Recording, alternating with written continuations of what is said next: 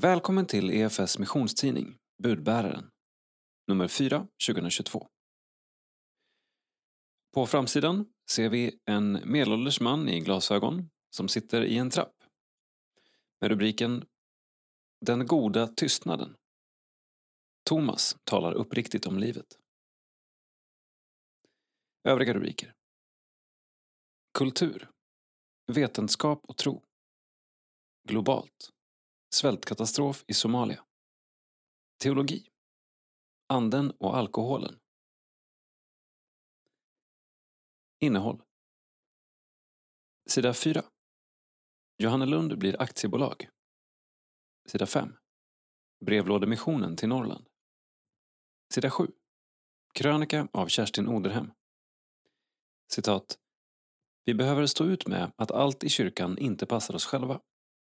Slutcitat. Sida 8. Leva mission. Att lära sig skördens språk. Sida 10. Smultronställen. Hemester på EFS-gårdar. Sida 14.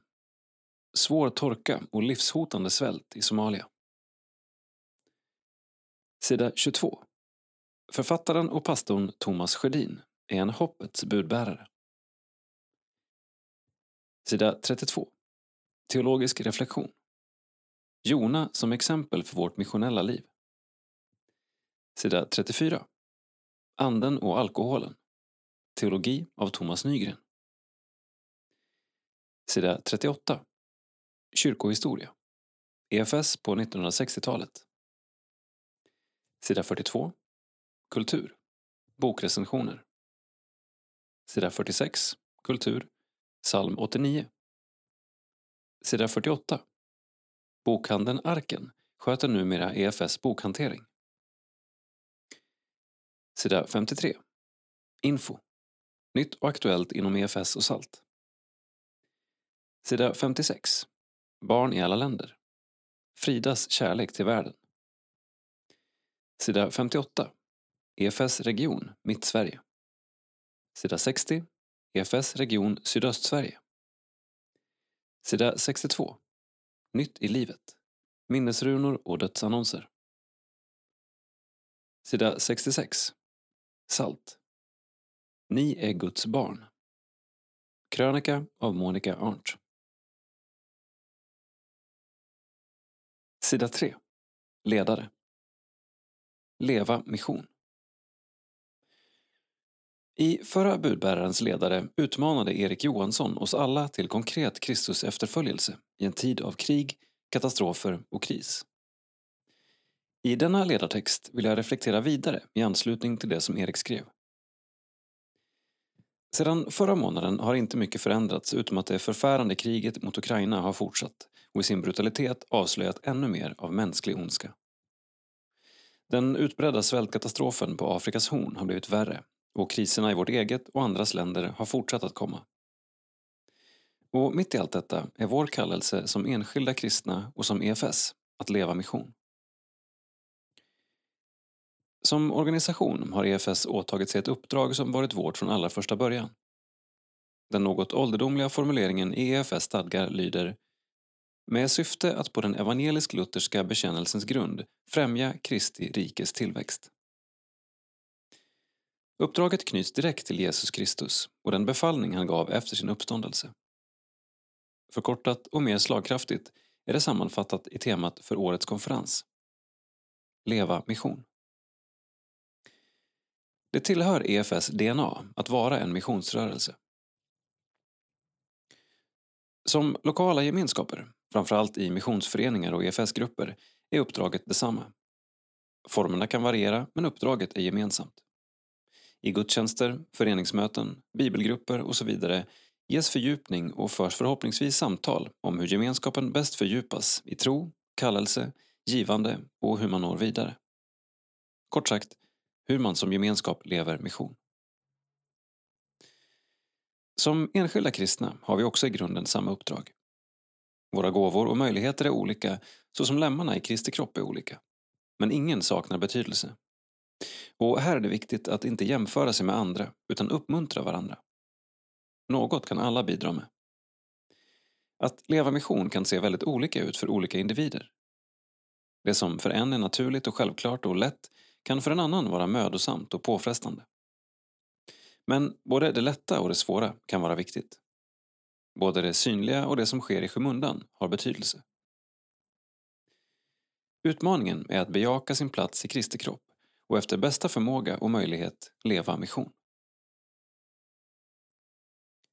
Lars-Olov Eriksson, ordförande EFS.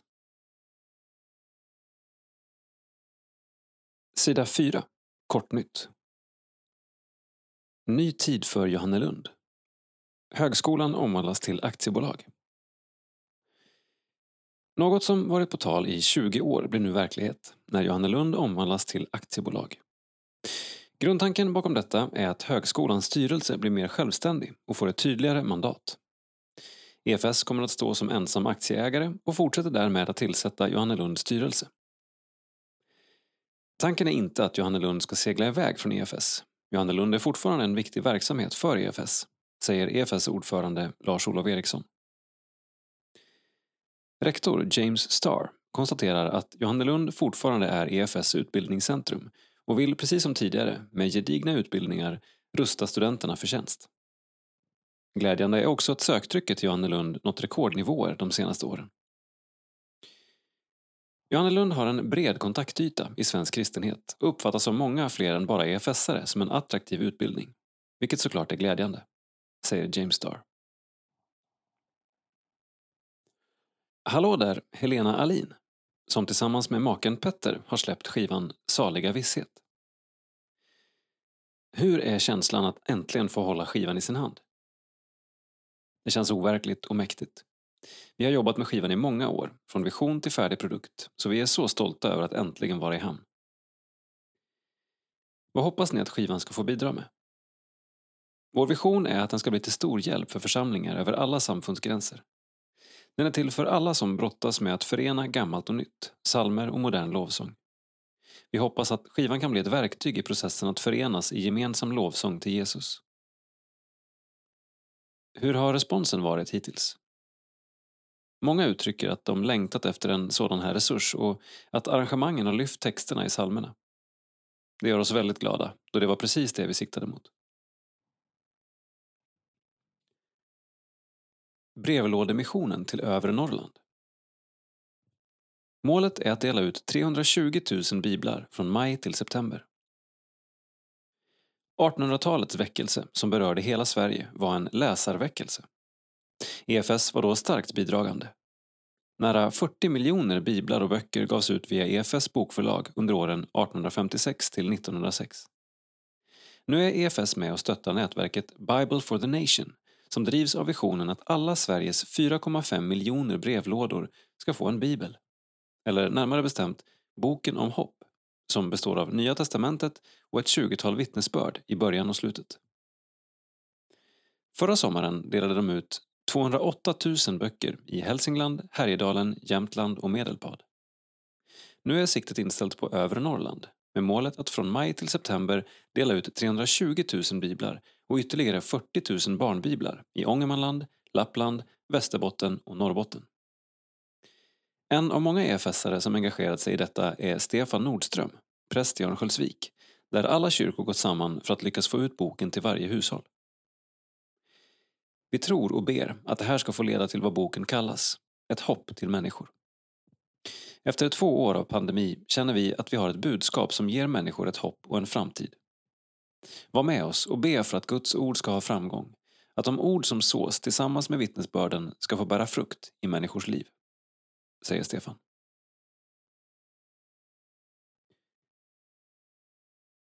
Så ser vi en bild på ett glatt gäng som står framför en jättestor karta med bildtexten Representanter från EFS, Pingstkyrkan och Salemkyrkan förbereder för utdelning av biblar i Nordmaling. Sidan 7. Krönika. En kyrka för alla. Vi behöver stå ut med att allt i kyrkan inte passar oss själva, skriver Kerstin Oderhem. Hela kristenheten funderar över samma sak. Hur når vi nya generationer med evangeliet? De barn och ungdomar som växte upp i kyrkan, vad är det som gör att de även som vuxna definierar sig som kristna och vill vara del i en kyrkas gemenskap? På EFS och SALTs ledningsgrupp hade vi ett samtal om barn och ungas olika arenor där hemmet, vännerna, skolan och kyrkan utgör olika pusselbitar. Vi samtalade om hur viktiga alla de olika delarna är och om vad som är kyrkans roll. Vi samtalade också om barn och ungas behov med allt från att få förebilder till att tron får bli något konkret i deras liv. Att de får syn på att det finns en Gud som ser och bryr sig om dem och att trons praktiker med bön, bibelläsning, gudstjänst och samtal blir redskap i vandringen mot en trygg tro. I samband med årskonferensen i Helsingborg känns ämnet än mer aktuellt och brännande. En av dagarna kommer att handla om hur vi lever mission generation till generation. Det är en frågeställning för oss alla, som förening och som individer. Kyrkan behöver vara en plats för alla generationer. Vi behöver stå ut med att allt i kyrkan inte passar alla men ändå kunna glädja oss över varandras uttryck. Där det finns en djup kärlek mellan generationer är detta möjligt. Som vuxna behöver vi känna en gemensam omsorg om de yngre. Det innebär att vi behöver bygga relationer, sitta ner och prata, engagera oss över åldersgränser, helt enkelt hitta sätt att vara kyrka tillsammans. Kärleken uppstår i mötet och därför är det nya sättet att fira gudstjänst framför datorn ingen bra idé på sikt. Gudstjänst vid datorn kan vara bra för den som inte kan ta sig någonstans eller den som är sjuk, men vi behöver åter mötas ansikte mot ansikte, låta våra relationer fördjupas, lyssna till varandras tankar, be tillsammans och på det sättet forma levande gemenskaper. Vi äldre behöver tro att vi har något att dela med yngre generationer att vi kan vara förebilder, fäder och mödrar i tron som uppmuntrar och ser, ger ansvar och stöttar också när man misslyckas. Vi äldre behöver se att vi har mycket att lära av de yngre, av passion och nyfikenhet och nya frågeställningar. Hur kan vi tillsammans i församlingsgemenskapen upptäcka trons praktiker? I pandemitid har det blivit extra tydligt att vi är många som behöver finna rytm för bön, bibelläsning och gudstjänst och att vi har behov av de mindre gemenskaperna där vi får visa omsorg om varandra. Egentligen har vi alla våra olika arenor med hemmet, vänner, skola, arbete och kyrka. Hur väver vi en hållbar väv av livet? Hur genomsyras livet av det Kristus gjort för mig och i mig? Hur låter jag det märkas i vardagsliv och gudstjänst? Detta är EFS och SALTs stora och gemensamma utmaning. Att vi tillsammans är med och formar en kyrka för livet, för dess olika åldrar och där vi står tillsammans, sida vid sida, i kärlek och omsorg om varandra. Kerstin Oderhem, missionsföreståndare, EFS.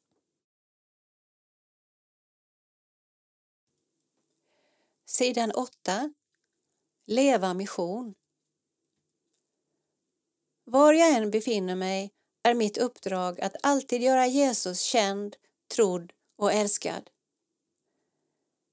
Agne Nordlander, pensionerad EFS-missionär och före detta rektor på Johannelunds högskola. Vad betyder att leva mission för dig? Under mina år som rektor var min målsättning att inspirera studenterna att bli hängivna i sin tjänst, både i Sverige och utomlands.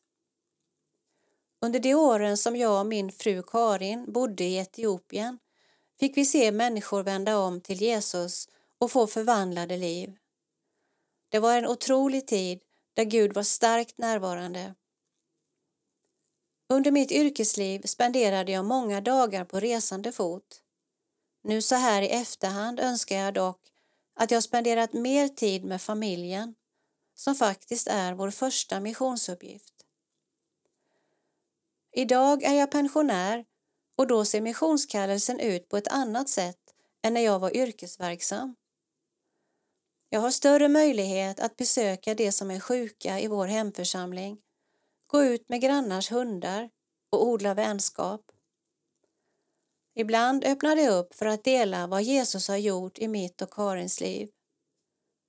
Var jag än befinner mig är mitt uppdrag alltid att göra Jesus känd, trodd och älskad och det ser olika ut under livets gång.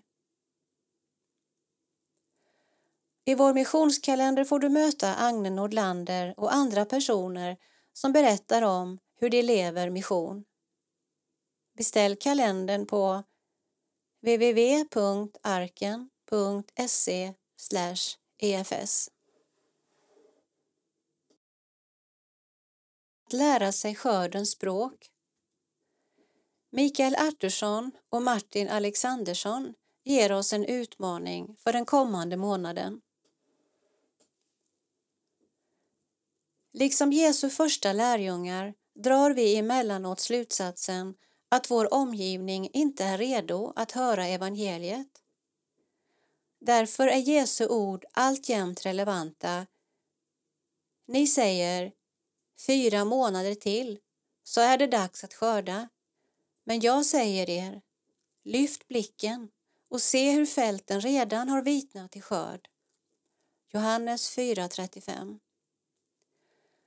här visar Jesus att vår egen uppfattning om vad som pågår i människor kan vara det primära hindret, inte människors brist på öppenhet.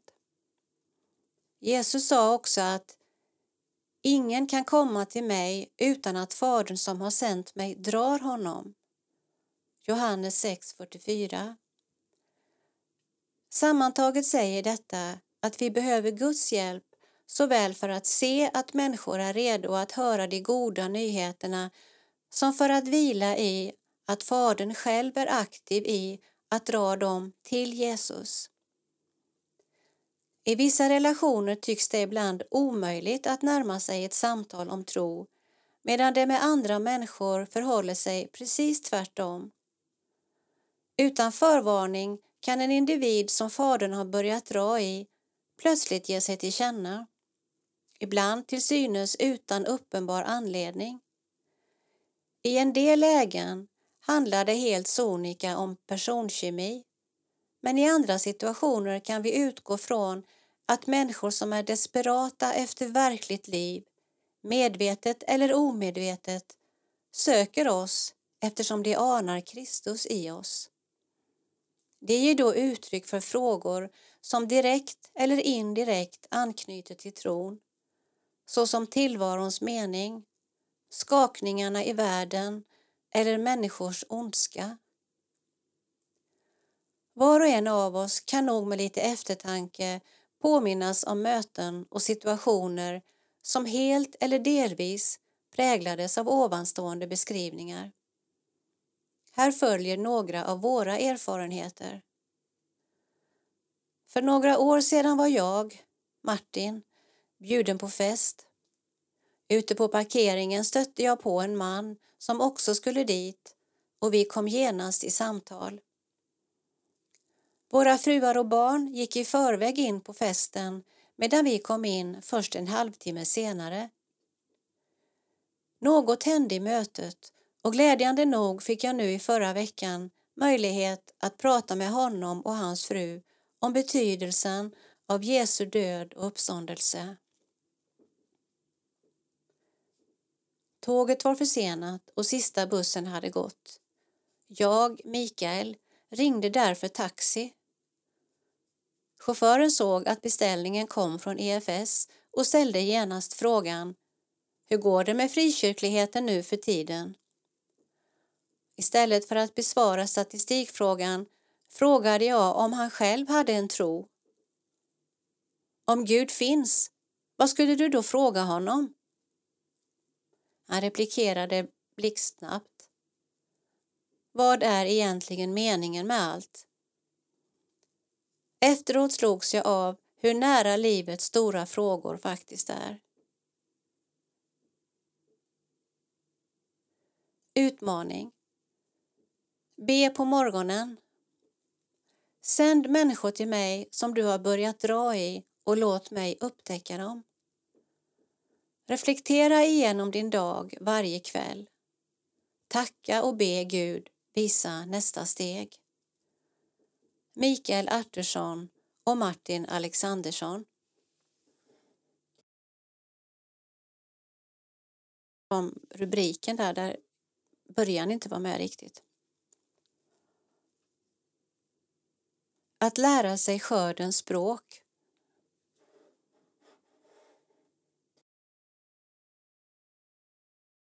Sida 10. Smultronställen. Hemester i Sverige. Upptäck EFS smultronställen. Friluftsliv, bad och kristen gemenskap. Runt om i Sverige har EFS gårdar som erbjuder något för alla smaker.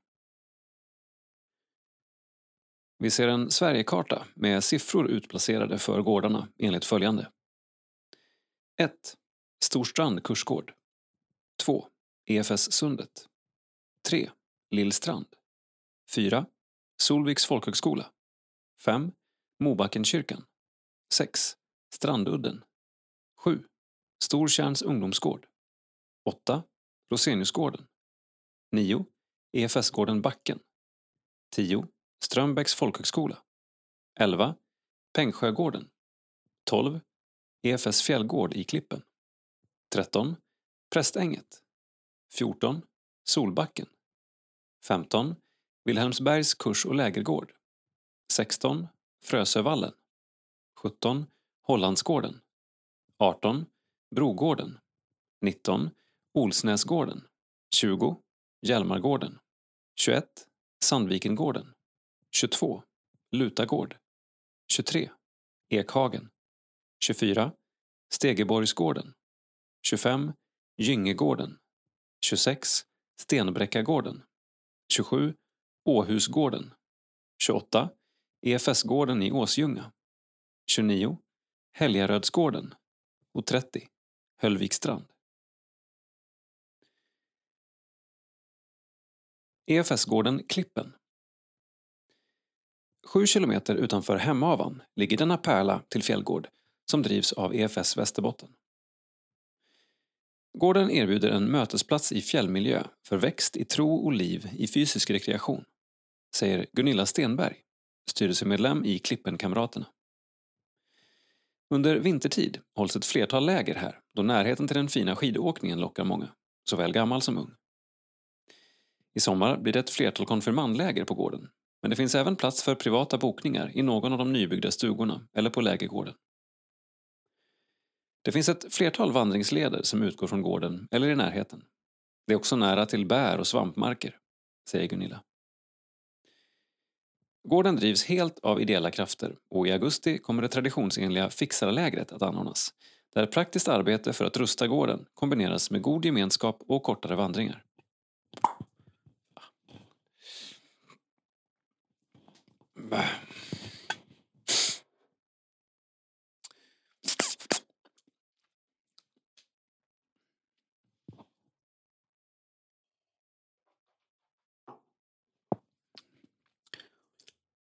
EFS-gården Åsljunga. Vid Åsljunga sjönstrand ligger denna vackra gård, knappt 10 minuters bilfärd från E4. Den 15 maj firade gården 90-årsjubileum som inbjudande mötesplats för både ung och gammal.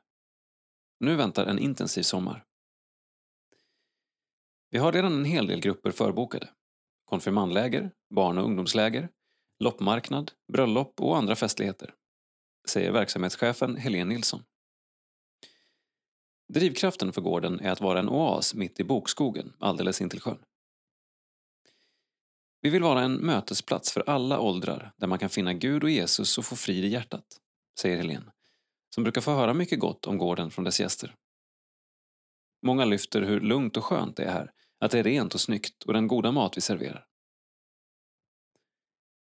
Gårdens omgivning inbjuder till promenader runt sjön, vandring på Skåneleden, fiske, bad, kanotpaddling och grillning. En mångsidig idyll vid sjön, kort och gott. Oasen vid Siljans strand vill vara en plats för ro.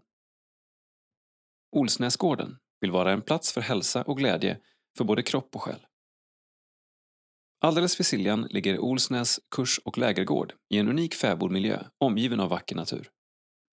Här kan grupper och privatpersoner hyra rum, stugor, kök, matsal och kyrksal som rymmer cirka 100 personer. Gårdens verksamhet drivs av EFS-föreningen Olsnäsgårdens vänner. Olsnäsgården brukades som en arrendegård fram till 60-talet då EFS köpte den på grund av det då omfattande ungdomsarbetet. 1968 gjordes en stor tillbyggnad i form av logement, matsal och kök. Vi vill göra det möjligt för var och en att upptäcka det riktigt viktiga i livet. Människan behöver inte bara mat och dryck, utan även mening, sammanhang och gemenskap för att få själslig ro. Vår ambition är att Olsnäsgården ska vara en plats där detta blir möjligt för varje besökare, säger prästen Peter Plage. Mellan den 12 juni och 14 augusti hålls andakter och gudstjänster på gården. Det kommer även att hållas en sommaralfakurs i kristen tro samt arrangeras kafékvällar med olika gäster. Gården hyrs även ut, i första hand för självhushåll. Det finns 63 bäddar att tillgå, fördelat på en stor logementsbyggnad samt fem stugor. Husbils och husvagnsplatser samt tältplatser finns det också gott om.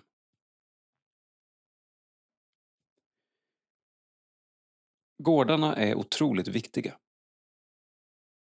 Vi behöver återupptäcka gårdarna som missionsstationer, säger EFS missionsföreståndare Kerstin Oderhem.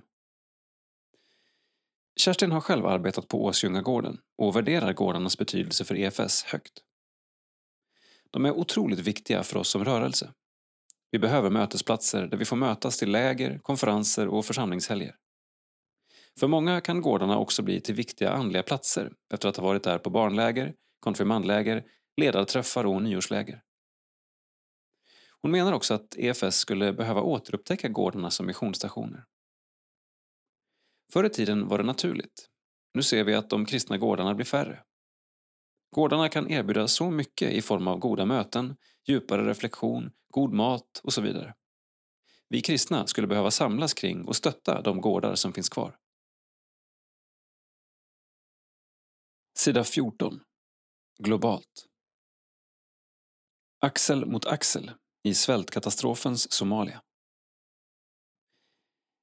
I internflyktinglägret Bali Matan har hjälporganisationen Varsan räddat liv under fem års tid. Nu står de inför en av de största utmaningarna i mannaminne. Text och bild Magdalena Vogt. Solen har precis letat sig upp över horisonten när vi klättrar in i Toyotan. Det är både påskhelg och ramadan på samma gång och från stadens minareter har bönutropen redan pågått sedan gryningen. Än så länge är det svalt i luften, men solljuset tilltar snabbt i styrka. Vi har flera timmars resa framför oss och vi behöver nå internflyktinglägret i Balimatan innan middagshettan gör det omöjligt att få något uträttat. Egentligen är det regnsäsong, men solen lyser från klarblå himmel. Under tre års tid har regnen nästan uteblivit helt och nu är torkan extrem, förklarar Osman Omer när han navigerar genom det brunbrända landskapet. Vår bil river upp enorma dammoln och stundtals dränks sikten helt i sandvirvlar. De vissna buskarna och magra getterna vi ser efter vägen bekräftar situationens allvar. De få vattenkällor och betesmöjligheter som funnits torkar snabbt nu och människor är väldigt rädda för vad som ska hända om regnen skulle utebli även i år, berättar Osman. Vanligtvis börjar regnen i mars, men i resande stund är det redan mitten av april och det finns inte någon tillstymmelse till nederbörd. När Varsan började arbeta i de här lägren för fem år sedan pågick också en svår torka och många förlorade livet. Men sedan dess har vi arbetat väldigt medvetet för att stärka människors hälsa och förmåga att hantera kriser och torka. Många är bättre rustade nu. Men Problemet är att torkan riskerar att slå mycket hårdare den här gången. Kriget i Ukraina har inte bara gjort att inflationen och matpriserna skjutit i höjden. Konflikterna har också bidragit till att biståndet minskat och att den allvarliga krisen på Afrikas horn inte får samma uppmärksamhet nu. Om inte regnen kommer snart står vi inför en svältkatastrof, konstaterar Osman med oro i rösten. När vi kliver ur bilen i Balimatan har många människor redan samlats för att möta oss. Flera mammor undrar om doktor Kadar, som är barnläkare, har möjlighet att undersöka deras barn. Tusentals nya flyktingar har sökt skydd i lägret för att rädda sina familjer och barn undan torka och svält. Många av barnen som mammorna bär på är undernärda. Näringsbristen gör barnen mer mottagliga för olika infektionssjukdomar. Därför ser vi nu hur både mässlingen och olika luftvägsinfektioner ökar snabbt, förklarar doktor Kadar medan han plockar fram sitt stetoskop och välkomnar den första mamman till den tillfälliga mottagningen som de ställt i ordning i skuggan under några träd. Den lilla pojken är bara sex månader gammal men han har svår hosta och doktor Kadar konstaterar att det handlar om lunginflammation. Ett livshotande tillstånd för ett så litet barn med allvarlig näringsbrist. Mamman, som heter Amina, stryker bekymrat över pojkens panna. Doktor Kadar ger henne noggranna instruktioner och plockar ihop medicin och näringstillskott i en liten påse. Med några uppmuntrande ord önskar han Amina lycka till och ber henne att kontakta honom om situationen skulle bli värre. Snabbt strömmar fler mammor och barn till. Tillsammans med den lokala hälsoarbetaren Fosia Muse Heid ställer Dr. Kadar frågor och dokumenterar i ett särskilt journalsystem som är upprättat för människorna i lägret. Många saknar ID-handlingar och om det inte vore för den mobila kliniken skulle de antagligen aldrig kunna besöka någon vårdinrättning. Små armar mäts, pulslagen räknas och Kadar lyssnar noggrant på barnens lungor. Många barn har diarré och har tappat både hår och åtskilliga kilon under flykten till lägret. De allra flesta får med sig både näringstillskott och mediciner efter undersökningarna. De här näringspaketen gör en enorm skillnad, berättar Fosia och håller upp en hel handfull förpackningar. Fosia är en av dem som fått grundläggande medicinsk träning av Varsan för att kunna hjälpa dem som finns i lägret. Även när Dr. Kadar och Varsans egna anställda inte finns på plats. Hon hjälper till med distributionen av näringspaketen och instruerar även flera av mammorna hur medicinerna ska tas. Hon berättar hur hon sett hur otaliga barn blivit friskare och starkare på grund av de extra tillskotten. Vi är så tacksamma för allt som Varsan hjälpt oss med. Mat, vatten och boende, men inte minst den mobila kliniken. Den har varit livsavgörande för så många i lägret, berättar Fosia. Hon har själv åtta barn och vet väl hur svårt det är när ett barn blir sjukt i lägret. EFS har stöttat Varsan ända sedan starten 2017 och på de fem åren har det redan hänt mycket. Sjukdom och undernäring har minskat drastiskt. Många har lärt sig läsa och skriva och fått kunskap om allt från hygien till grundläggande hälsovård. Matsäkerhet och inkomstmöjligheter har stärkts tack vare hönseriet och nya sätt att odla, men också genom undervisning i grundläggande ekonomi och försörjning. Ordet varsan är somaliska och betyder att komma med goda nyheter. Vi längtar efter att verkligen se de här samhällena förvandlade, säger Osman med eftertryck. En viktig del i det arbetet är att bygga goda relationer. I början var både internflyktingar och bybor ganska skeptiska. Många organisationer kommer och gör en engångsinsats och sedan försvinner de igen. Men under de här fem åren har vi visat att vi är här för att stanna. Även om vi inte alltid har så mycket att bidra med så fortsätter vi regelbundet att besöka de byar och läger där vi börjat jobba. Vi sitter ner med människor, lyssnar till deras behov och gör det vi kan för att lindra den nöd vi ser. Det skapar tillit, konstaterar Osman. De goda relationerna som Osman beskriver bekräftas av alla vi träffar. Förtroendet syns i de varma blickarna, i de välkomnande handslagen och skratten, men också i hur öppet människor delar sin nöd och oro. Ali Mohmoud Libion är ledare för lägret. Han kom till Balimatan som internflykting redan under torkan 2016 då han förlorade sin hustru och sin boskap och fick lämna sitt hem för att rädda sig själv och sina barn. Vi tackar Gud och Varsan och er allihop. Ni har blivit som vår familj. Vi känner att ni står sida vid sida med oss, axel mot axel. Utbrister Ali. Hans uppskattning går inte att ta miste på. Men precis som alla andra är han också orolig. Om regnen inte kommer snart blir situationen väldigt svår. Valimatan har redan tagit emot många nya internflyktingar sedan början av året men om torkan fortsätter kommer det antalet minst att fördubblas. Distributionen av mat och vatten som redan påbörjats är helt avgörande för att rädda liv under brinnande torka. Men Varsan vill göra mer än så. Vår vision är att hjälpa de här utsatta samhällena till ett hållbart, värdigt och gott liv i alla avseenden. Tillsammans vill vi kämpa den goda kampen, axel mot axel, och vi vet att ni är många i EFS och Sverige som står med oss i det. Det ger oss hopp och mod att fortsätta, säger Osman. Detta gör EFS i Somalia.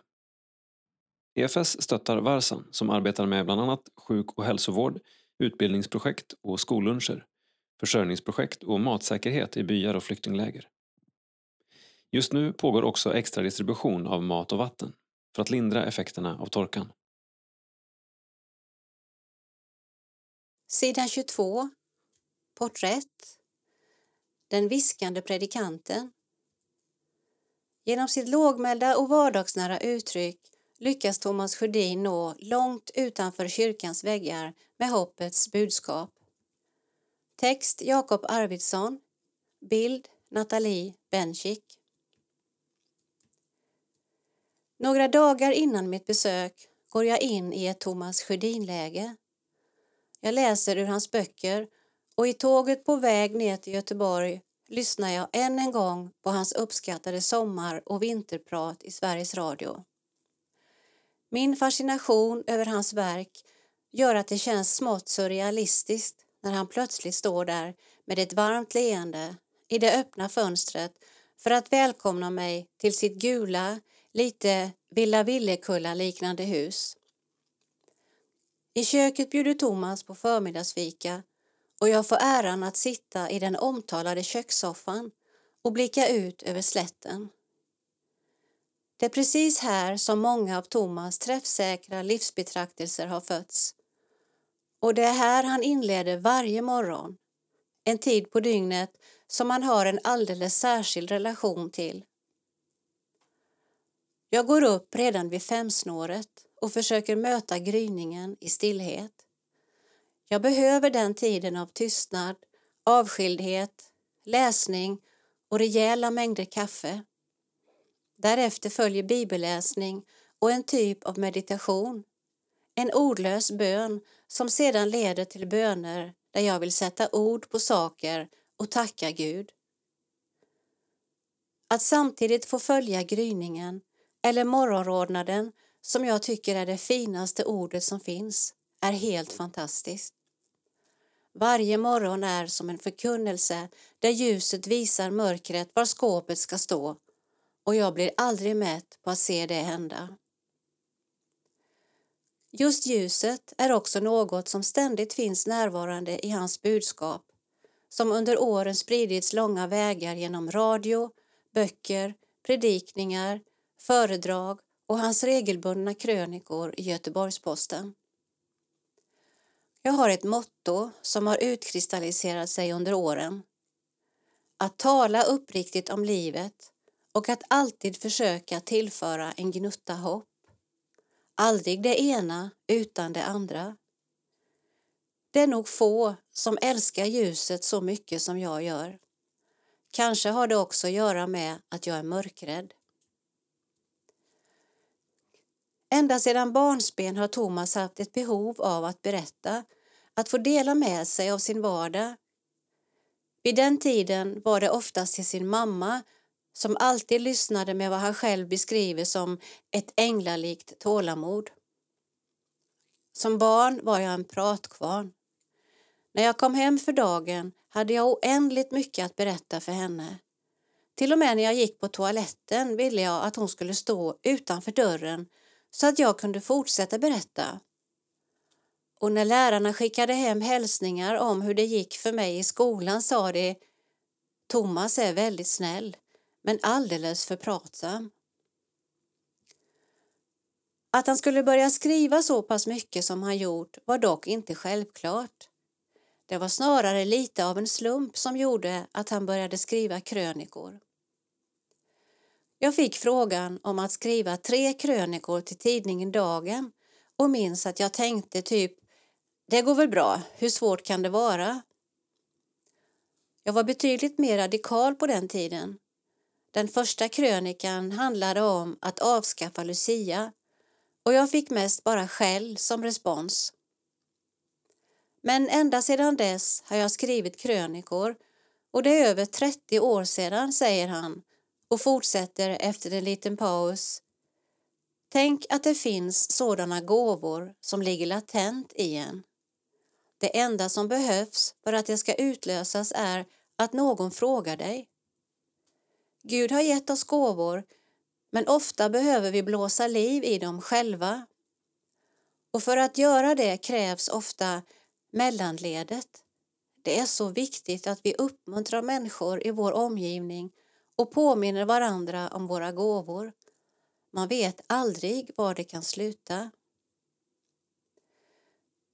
I Thomas Sjödins fall ledde den frågan han fick till vad som blivit ett helt yrkesliv av skrivande vid sidan av hans tjänst som pingstpastor. Hans budskap tycks gå hem hos de allra flesta, även de utan någon kyrklig koppling. Troligen för att det han skriver eller berättar om är så vardagsnära. Jag skriver inte främst om saker jag behärskar utan mer utifrån en typ av längtan. Det kan ofta handla om om vad jag skulle vilja ha mer av i mitt liv. Läsaren blir då en följeslagare på den vandringen. Thomas når också fram till många av dem som vuxit upp i kyrkan men som senare dragit sig ur. Vissa har nog blivit allergiska mot det typiska kyrkspråket när de vuxit upp. Ibland hör den kategorin av sig och tackar mig. Jag säger nog egentligen liknande saker som många andra men på ett varsamt och lite försiktigare sätt utan att för den skull tumma på evangeliet. Det är nästan så att jag viskar ibland och det behöver ju inte vara fel. För vem höjer egentligen rösten när man vill säga något viktigt? När Thomas går runt på Göteborgs gator kommer nästan alltid någon fram och tackar för hans krönikor och i Smyrnakyrkan får han ibland möta dem som först läst hans krönikor för att sedan våga ta steget till ny i kyrkan-bordet. När jag inser att folk följt den kedjan blir jag stormande lycklig. Det är Guds nåd att jag fått chansen att nå ut och vara en budbärare av hoppet. Krönikorna innehåller nödvändigtvis inte något uttalat om Gud eller Jesus, vilket han kan få kritik för. Någon sa, du som har chansen, varför kör du inte över läsarna med Jesus? Men jag tänker nog ganska precis tvärtom. Det behöver inte alltid stå Jesus rakt ut. Läsarna är smarta. Ett ord jag ofta har med är kanske jag säger sällan att det är så här, men ofta att det kanske är så här. Delar man upp kanske i två blir det ju kan ske. Så för mig är det ett väldigt hoppfullt ord. Glädjen och skrattet ligger verkligen nära till hands för Thomas. Men han och frun Lotta har också fått uppleva den ofattbara sorgen att mista två av sina tre pojkar när de var blott 14 och 15 år gamla. I en av hans mest spridda krönikor med rubriken Trasmattan skriver han om hur det var när de skulle ta tag i att rensa ut pojkarnas garderober. Vi insåg att vi inte kunde ha kvar grejerna i resten av livet. Samtidigt var det helt omöjligt att slänga det.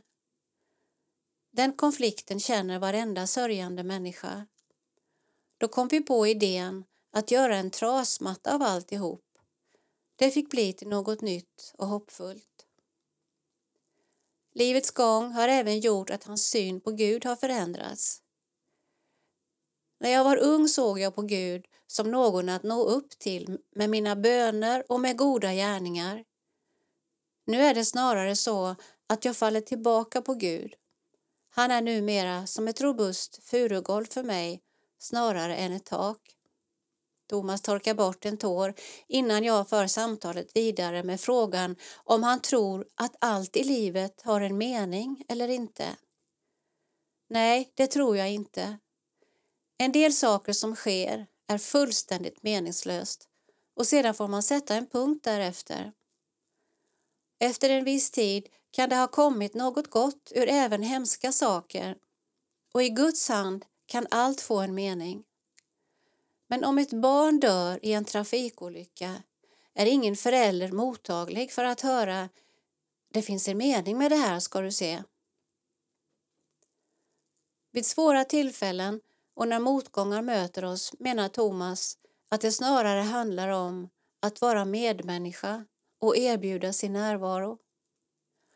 Att dela sorgen, få prata med någon eller hålla någons hand tar inte alltid bort problemen men det är oftast något som ljusnar och lättar.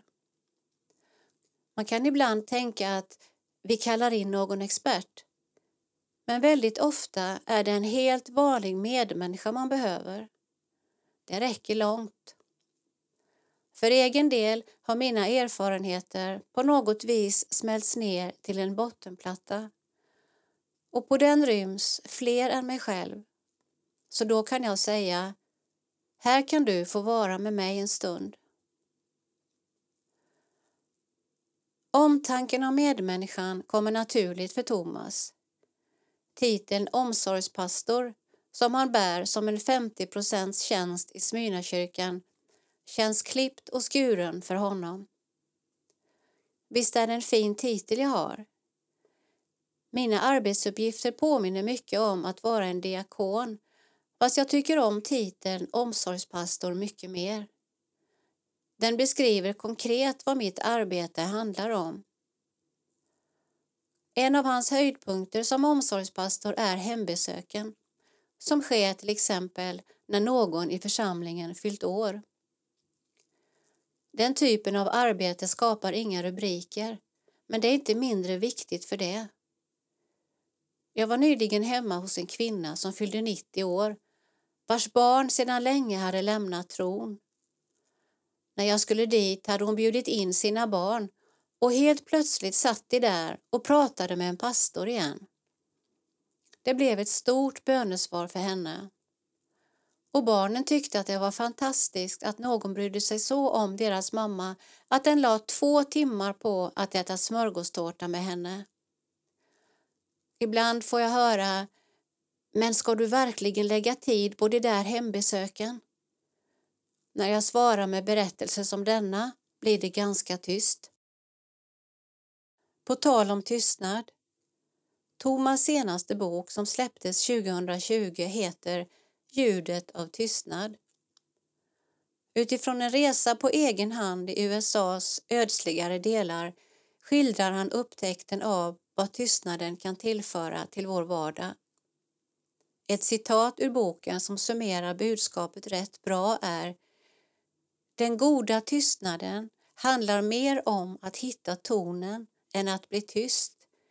Inte om vad man vill slippa höra, men vad man längtar efter att få höra. När jag började sätta tystnaden i system, att vara bara i tystnaden en stund varje dag, började jag så sakteliga märka att en ny värld öppnade sig. Det har både varit en fascinerande och lite skrämmande upptäckt, för jag har ju levt i över 60 år och insett att jag tidigare varit obevandrad i detta. Boken handlar också mycket om bön och hur tystnaden kan vara en ingång till vad han beskriver som bönens oändliga värld. Jag har haft en dröm att skriva något som öppnar försiktiga dörrar mot bönens värld. Då blev tystnaden en möjlighet att börja formulera det. Tystnaden i sig själv är bön. Den är dessutom oberoende av hur mycket eller lite du tror och helt ekumenisk. Ingen kan påstå att du är tyst på ett missionsförbundarsätt eller som en EFS-are, säger han. Hur ska man då lyckas ta till sig tystnadens värld? Thomas menar att förskolebarn är experter på det. Om vi som vuxna går in i en skog har vi oftast ett slutmål och går raka spåret dit. Ett barn har dock redan på väg in i skogen hört massa saker som de tycker är fascinerande nog för att stanna upp. Jag tror att det finns en viktig nyckel i att kunna kliva ur det väldigt fokuserade i allt vi ska göra. Att till exempel ta en stund i tystnad på morgonen innan vi matas med nyheter och notiser från telefonen. Att bara lyssna avsiktslöst. Dag 1 eller dag 20 kanske du inte märker något, men med tiden så vågar jag påstå att det kan förändra dig som människa. Under resan i USA fick Thomas även chansen att träffa några av sina förebilder, inte minst den numera avlidna teologen Eugene Peterson som är mest känd för sitt 30-åriga arbete med The Message, en variant av Bibeln på ett mer modernt språk. Det var ett välsignande möte även fast hans hälsa sviktade. Han var en fantastisk gudsman som har friskat upp mitt egna bibelläsande. Hans översättning är lite som när ljuset faller från ett nytt håll. Det ger nya perspektiv och får saker att framträda som man inte sett förut. Thomas nästa bok blir faktiskt en andatsbok utifrån The Message som han hoppas ska kunna bidra till att bibelläsningen får en ny renässans. Vi behöver mer av både den meditativa bibelläsningen och själva plöjandet, torrläsningen. Bibeln sitter ihop från perm till perm och alla texter speglar varandra i någon mån. Så det är värt mödan att stå ut med att ta sig igenom även de tyngre partierna. Ett par timmar hos Thomas Sjödin går fort och jag känner mig hoppfull när jag lämnar. Och det är också ett hoppfullt budskap för kyrkan som Thomas avslutar intervjun med. Jag upplever verkligen att frågan om tro är på uppgående i Sverige. Det känns lättare att prata om tro med mannen på gatan idag än för 20 år sedan. I tider av oro har man inte råd att avfärda det som ger tro, ljus och hopp.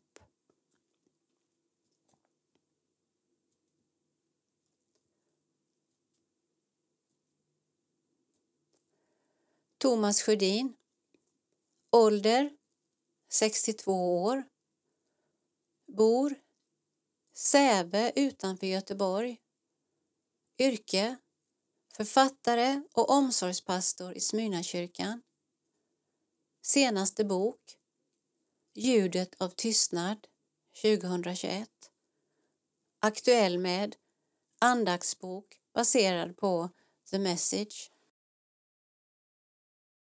en bild visar en vägg med flera tavlor med bildtext. Thomas har nära till både skratt och tårar.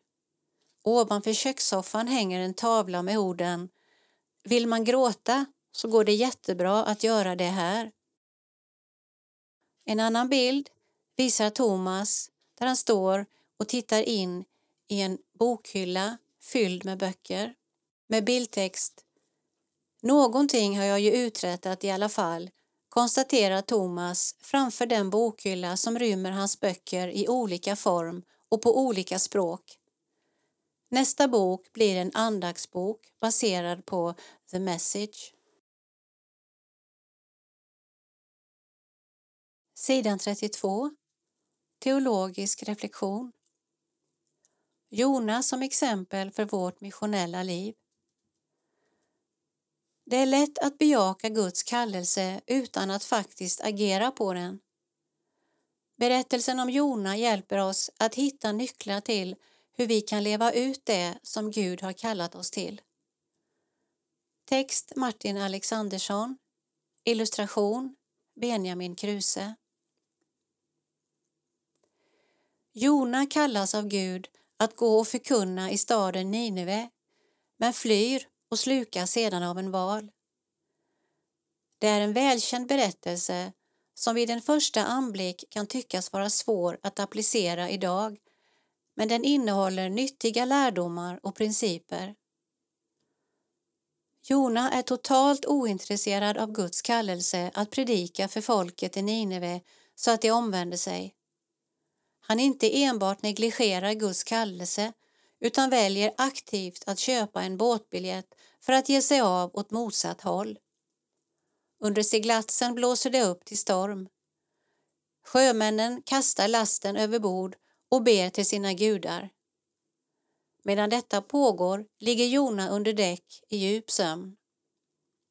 Kaptenen kommer ner och väcker Jona med orden Hur kan du ligga och sova? Upp med dig och åkalla din Gud. Ovanstående verser i Jona bok brukar sällan sammankopplas med vårt uppdrag som kristna att gå ut och göra alla folk till lärjungar. Matteus 28.19. Parallellerna är dock slående och Jona-berättelsen länkas samman med våra liv via Jesu missionsbefallning. I fokus står vår respons på Guds kallelse. Antingen väljer vi att gå åt det håll som Gud har gett i uppdrag eller så väljer vi att stå still. Vi accepterar uppdraget men handlar inte efter det. Vi kan också göra ett aktivt val att likt Jona gå åt ett motsatt håll. Vi kanske mest känner igen oss i dem som står stilla men är det i själva verket så att vi rör oss allt mer bort från det Gud säger och kallar oss till? Vi behöver fundera på vad som håller oss tillbaka när det gäller att dela Jesus med andra. Kanske är det någon av följande attityder. Människor omkring oss är inte intresserade av tron. Alla svenskar har redan hört om Jesus men valt att inte följa. Eftersom Gud är god kommer ändå alla räddas. Ibland drabbas vi av kriser. Det kan vara allt ifrån personliga tragedier till sådant som skakar hela världen. På det skepp som Jona är ombord är krisen en storm så svår att man är villig att slänga all sin dyrbara last över bord för att rädda sina liv. Det är också i denna stund som besättningen vänder sig till sina gudar utan någon framgång. Mitt i detta inferno sover Jona så djupt att kaptenen behöver väcka honom. Befinner vi oss som kristna idag i en liknande situation med de kriser som sker runt omkring oss? Kriser som gör att människor vänder sig till sina gudar och inser att de inte kan hjälpa. Kriser där de bildligt sett är villiga att kasta sina dyrbarheter över bord för att överleva. Sker allt detta under tiden som vi har distanserat oss från människorna och gått ner under däck och sover djupt? För Jona krävdes det att kaptenen kom och väckte honom med uppmaningen att åkalla sin Gud för att på så sätt stormen skulle bedarra. Det är alltså den icke-judiske kaptenen som uppmanar Jona att be till sin Gud. Kaptenen är alltså desperat nog att uppmana Jona att be till Gud. Frågan är om vår omgivning, trots sin desperation, uppmanar oss att be till vår Gud. För några år sedan hörde jag talas om två händelser som i mångt och mycket illustrerar hur svenska kristna tänker kring att dela sin tro. Under en Israelresa som anordnades bland kyrkorna i en mindre svensk stad möttes två kollegor som jobbat med varandra många år. Ingen hade haft någon aning om att den andra var kristen. Men första kvällen på hotellet i Tel Aviv gick det upp för dem att de båda tillhörde olika församlingar. Kort därpå berättade en vän till mig om sin värnpliktstid. I logementet hade han varje dag öppet läst Bibeln med förhoppningen att någon skulle ställa en fråga. Men hela lumparåret gick utan att det skedde. Detta visar två attityder som jag tror är vanliga. Dels att vi tvekar att berätta att vi är kristna och därmed kan jobba med människor i åratal utan att de vet om vår tro. Dels att vi tänker att vår roll är att svara på människors frågor. När vi läser om de första kristna i Apostlagärningarna ser vi istället en självklarhet att offentligt bekänna sig till Jesus. De var inte passiva och enbart redo att svara utan det fanns såväl en bön om frimodighet att förkunna Guds ord, Apostlagärningarna 4.29, som en livsstil där de såg möjligheter att i vardagen proklamera Guds rike och leva ut hans uppdrag, exempelvis Apostlagärningarna 3. Låt oss be Gud visa oss om vi går åt det håll som han har kallat oss, om vi står passivt stilla eller om vi har gått iväg. Vid behov behöver vi omvända oss. Vi får acceptera vår rädsla och be med Petrus och Johannes ord. Ge dina tjänare frimodighet att förkunna ditt ord. Apostlagärningarna 4.29 och vi får be Gud leda oss i vardagen så att vi med Paulus får säga att vi har fått dela vår tro i ord och gärning, genom kraften i tecken och under, genom Andens kraft. Så har jag överallt spritt evangeliet om Kristus. Romarbrevet 15, 18-19.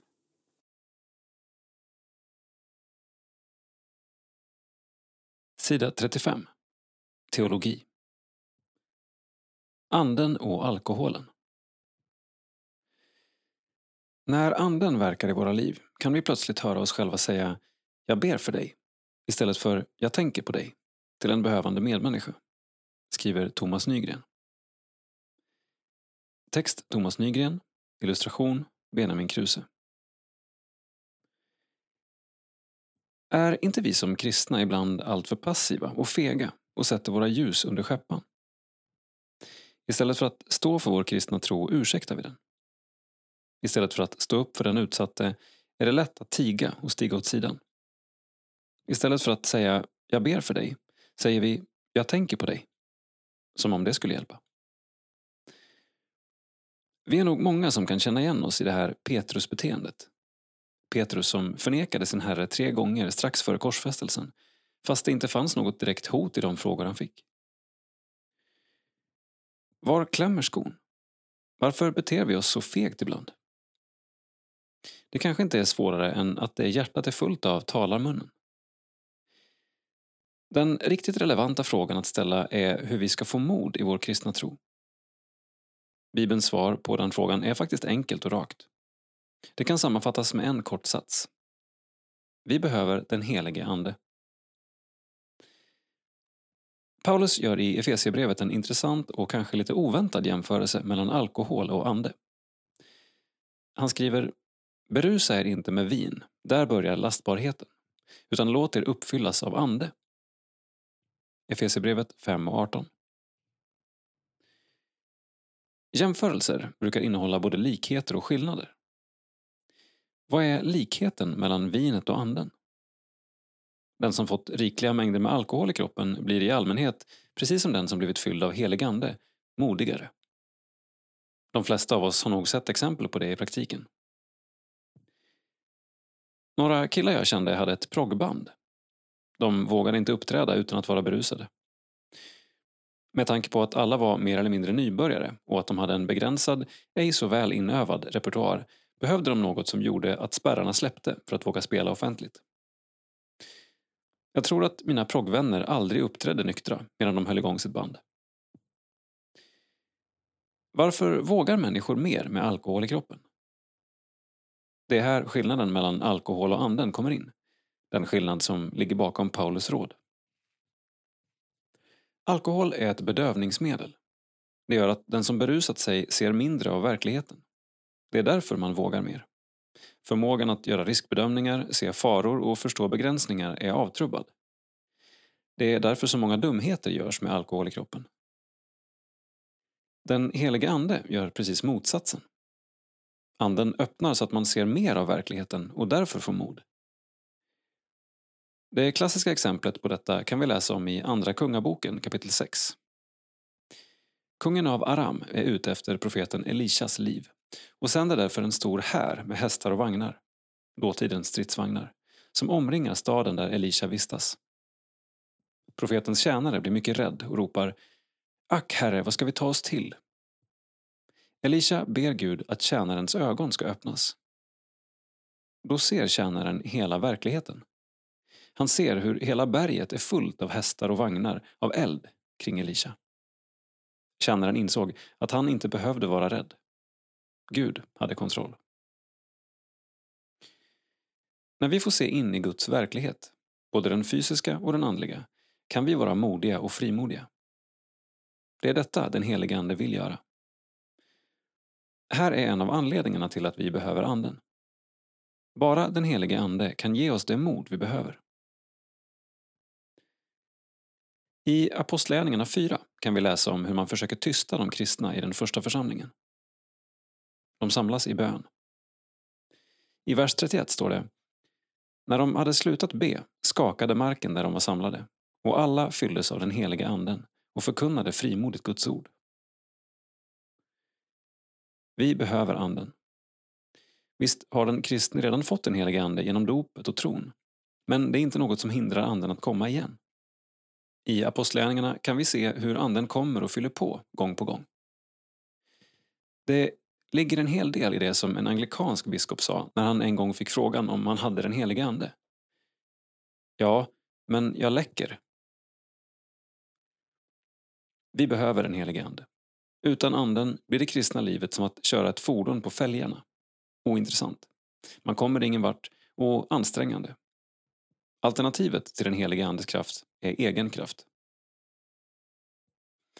Hur kan vi få påfyllning av anden i våra liv? En sak har vi redan nämnt. Be tillsammans om att Gud ska göra sitt verk. I Galaterbrevet påminner Paulus sina läsare att de inte fick anden genom att fullgöra lagen utan genom att lyssna i tro. Galaterbrevet 3 och 2. Jesus säger i Johannes evangeliet att det ord han har talat är ande och liv. Johannes evangeliet 6 och 63. Mönstret är tydligt. Den helige Ande kommer till den som ber, lyssnar på Guds ord och vill ta emot. Den helige Ande är en del av frälsningsgåvan, en del av det evangeliet ger. Därför kan vi frimodigt hela tiden söka att få ta del av Andens verk på nytt och på nytt. När Anden verkar i våra liv kan vi plötsligt höra oss själva säga ”Jag ber för dig” istället för ”Jag tänker på dig” till en behövande medmänniska. Och det utan att det ens kändes modigt. Sida 38 Kyrkohistoria Under detta decennium firar EFS missionsarbete 100 år. Musikarbetet i rörelsen blomstrar och de första samarbetsavtalen med Svenska kyrkan godkänns.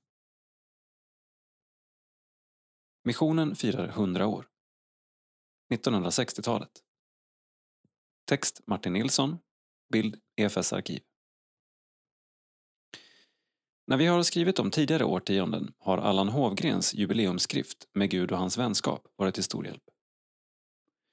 Den kom ut i samband med EFS 100-årsjubileum 1956. Nu hämtar vi från årsböcker, tidningar och egna minnen för kommande år. Under 1960-talet behövde EFS se över sin organisation. Det fanns två separata föreningar, EFS och DUF, men som ändå hörde ihop. De ungas förbunds medlemmar blev äldre med åren och en föryngring behövdes. 1961 lades DUF ner som riksorganisation. Ungdomsarbetet fördes över till EFS ungdomsförbund, EFU.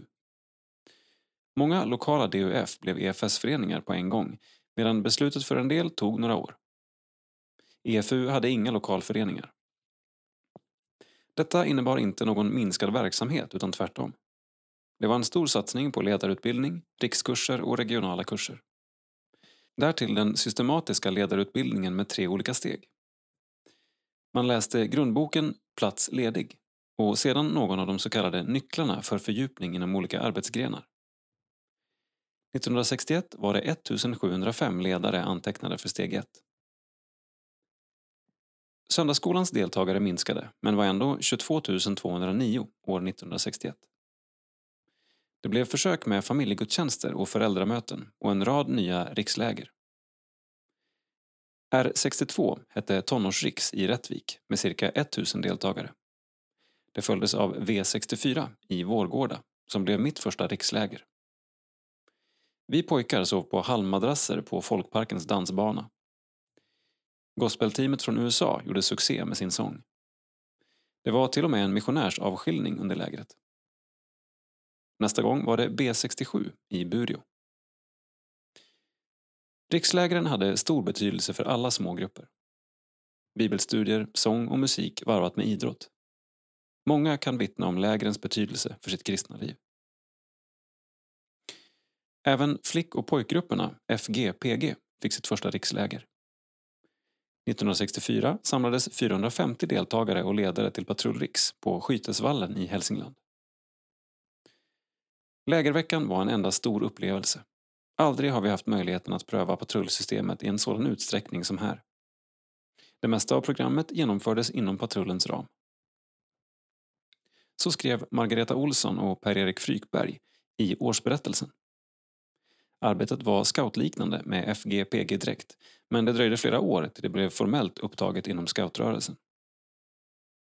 Nästa läger blev 1968 i Tivedens djupa skogar och då var jag med som ledare i ledarskolan. Vi var cirka 500 på lägret. Därefter har lägren anordnats med 3 till 4 års intervall. Det bildades fler och fler orkestrar. 1961 började EFS-förlaget ge ut särskilda blåsorkesternoter och många, ofta små grupper, kunde förenas vid blåsarfesterna. EFS musikkonsulent Hans-Erik Öberg skrev i årsberättelsen för året 1962. Redan under det första decenniet av EFS tillvaro förekom enligt uppgift blåsmusik och till och med undervisning i detta ämne på Missionsinstitutet. Det är emellertid först på de senaste tio åren som musikkårsarbetet tagit verklig fart. Ett femtontal nya kårer har bildats under året och det sammanlagda antalet är nu 63 med i runt tal 800 musikanter. Året efter var det 66 orkestrar med 1000 musikanter. 1963 inbjöds till den första riksblåsarsamlingen, Ö63, med cirka 300 musikanter i Örnsköldsvik.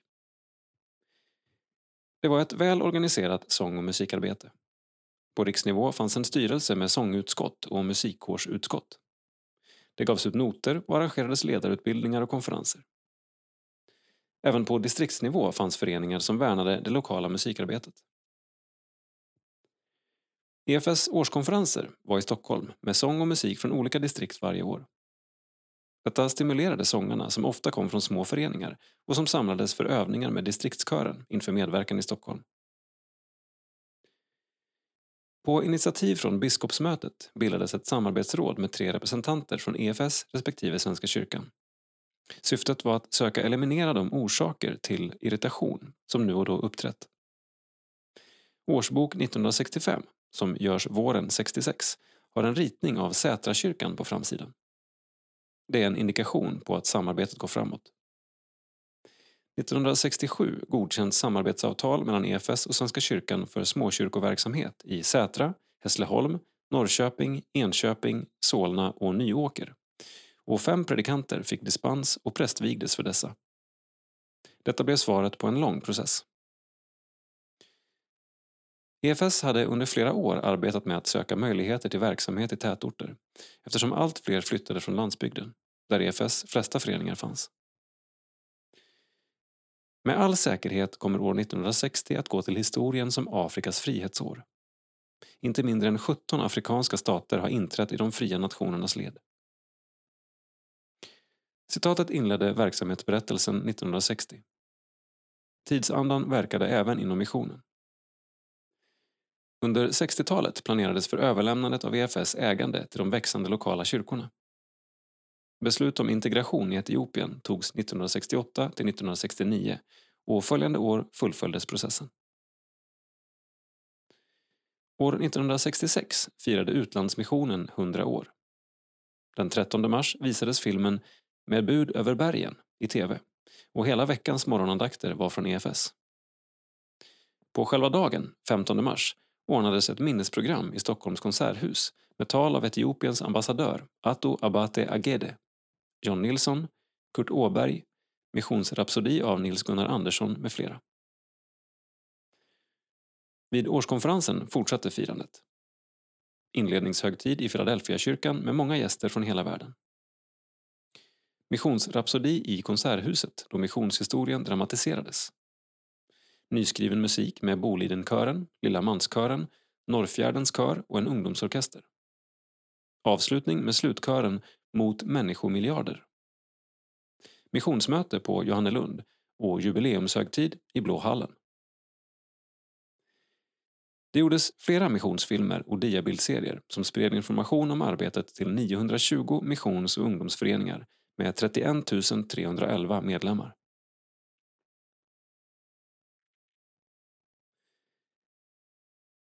Kommentar När jag läser om EFS historia blir jag överväldigad av hur många som deltog i söndagsskola och gudstjänster förr i tiden.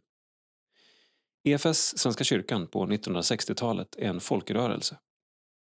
Idag, efter decennier av tillbakagång och nu senast pandemi, har församlingarna krympt. Men vi kan fortfarande hålla fast vid hoppet, vid bibelläsningen, bönen, nattvarden och omsorgen om församlingen. Jesus säger där två eller tre är samlade i mitt namn är jag mitt ibland dem.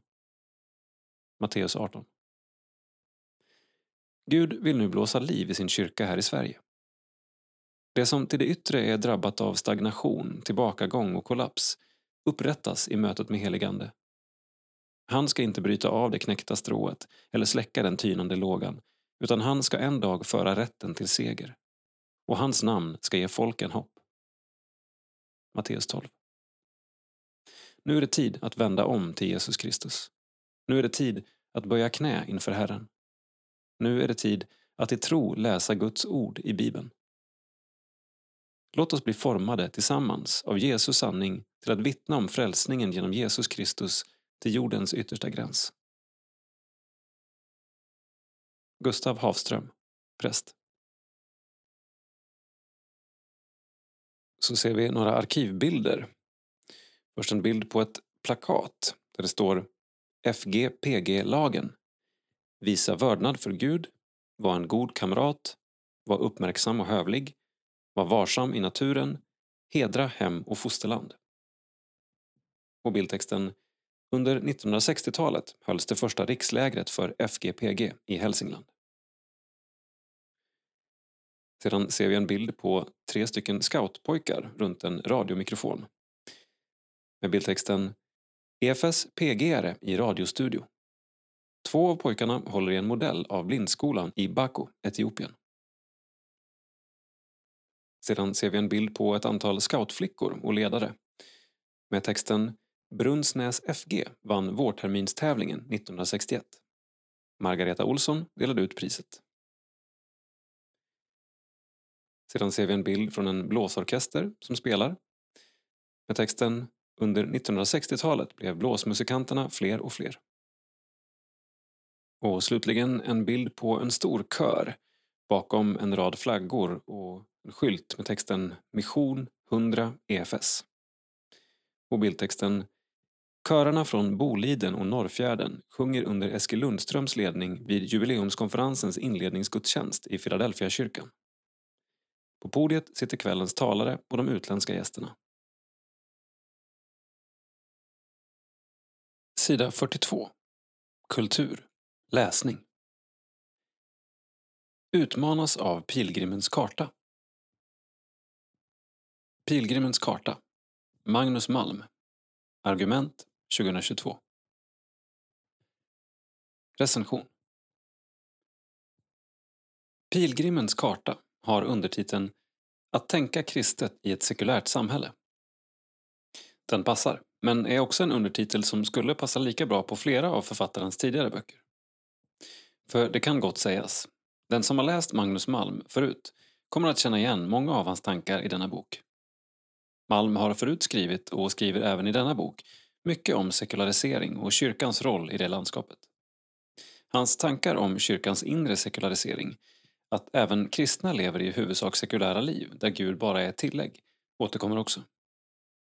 Likaså fortsätter Malms kamp mot en sorts gnostiska teologi som håller isär Jesu gudomlighet och Jesu mänsklighet.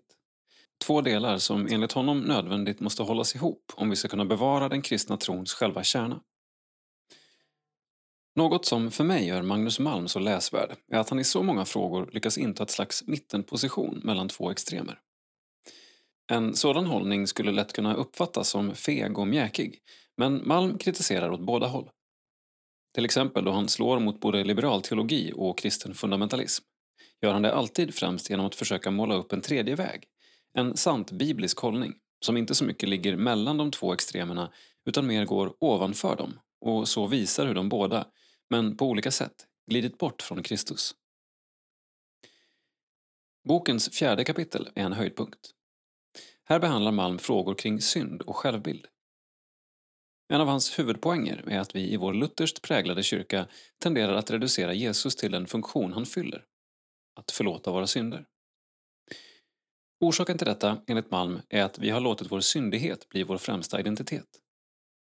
Vår gudslängtan blir således inte riktad mot Gud själv, utan mot det Gud ger, nämligen förlåtelse. Och vad blir då kvar av vår identitet efter att synden blivit förlåten? Det blir, menar Malm, svårt att förstå vad för slags identitet vi blir räddade till och inte bara vad vi blir räddade från. Pilgrimens karta består av fem längre kapitel som bara är löst sammankopplade och mer skrivna som fristående essäer. Men trots detta upplevs boken inte spretig utan tvärtom som en lagom sammanhängande helhet där läsaren med jämna mellanrum ges nya, fräscha infallsvinklar. Även om många av Malms tankar är återkommande läser jag varje ny bok av honom med stor behållning. Så även denna. Jag kan varmt rekommendera den. Oavsett var du står tror jag att Pilgrimens karta kommer att utmana dig mer än en gång. Läs! Oliver Vadjan Kännetecken och kännetecknens hemlighet Magnus Malm Argument förlag 2022 dessa båda böcker utgör de två halvorna av en nyutgåva av Kännetecken som utkom 2013. Boken var då, och är fortfarande, mycket läsvärd och texten har endast genomgått en lätt revidering. Det största lyftet är estetiskt, med en betydligt snyggare design på omslag och rygg och bättre papperskvalitet. Och så det mest uppenbara, att en bok blivit två. Den större av de två, Kännetecknens hemlighet, är på många sätt en klassisk Magnus Malm-bok, uppbyggd mest som en essäsamling. Den mindre boken, Kännetecken, är en liten bönbok med en samling böner som föreslås läsas under tre tillfällen under dagen. Till böckerna hör ett litet läderband, köpes separat, med tre små träfigurer. En krubba, ett kors och en ring. Kapitlen i Stora boken och bönerna i Lilla boken knyter an till dessa tre symboler, dessa tecken, och tanken är att man ska hålla dem i handen som en hjälp vid bön.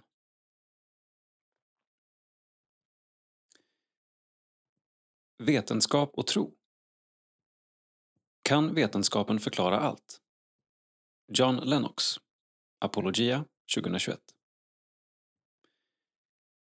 Recension Denna bok ger en god översikt över argumenten för Bibelns trovärdighet, Jesu uppståndelse och trons personliga dimension. Bokens syfte är att erbjuda en lättillgänglig ingång till frågan om vetenskap och tro, något som Lennox helt klart lyckats med. Lennox går emot bilden av att kristna inte skulle kunna vara riktiga vetenskapsmän. Tvärtom så var den kristna tron ofta drivkraften bakom vetenskapens pionjärer, så som i fallet med Isaac Newton. Idén att endast vetenskapliga förklaringar kan vara rationella förklaringar är också missriktad. Även personliga förklaringar som det faktum att tekannan kokar för att någon vill ha te är fullt legitima. Tanken att vetenskap inte skulle kräva någon form av tro, antaganden, faller också platt då vetenskap bland annat förutsätter att naturen kan beskrivas med hjälp av matematik, att universum är begripligt och att människans förnuft faktiskt är tillförlitligt. Författaren visar även förtjänstfullt att vetenskapen inte är ensam att bygga på evidens. Även kristen tro gör detsamma. Jämför Johannes 20 och 30-31. Att sätta upp en konflikt mellan vetenskap och kristen tro är således att missförstå både tron och vetenskapen. Efter ett översiktligt försvar av Nya testamentets trovärdighet och Jesu uppståndelse avslutar Lennox med att visa att kristen tro inte bara är en samling sanningspåståenden utan en historiskt rotad verklighet som kan prövas både sanningsmässigt och personligt. Kristen tro ger oss verktygen att förstå våra egna djupaste behov som människor. Genom omvändelse och tro på Jesus Kristus har vi möjlighet att få syndernas förlåtelse och gemenskap med Gud själv.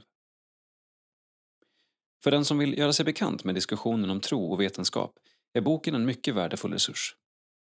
Läs, diskutera och begrunda. Joakim Arting Väckelsens hus i Värmland Carl-Johan Ivarsson och Henrik Olsson Votum förlag 2021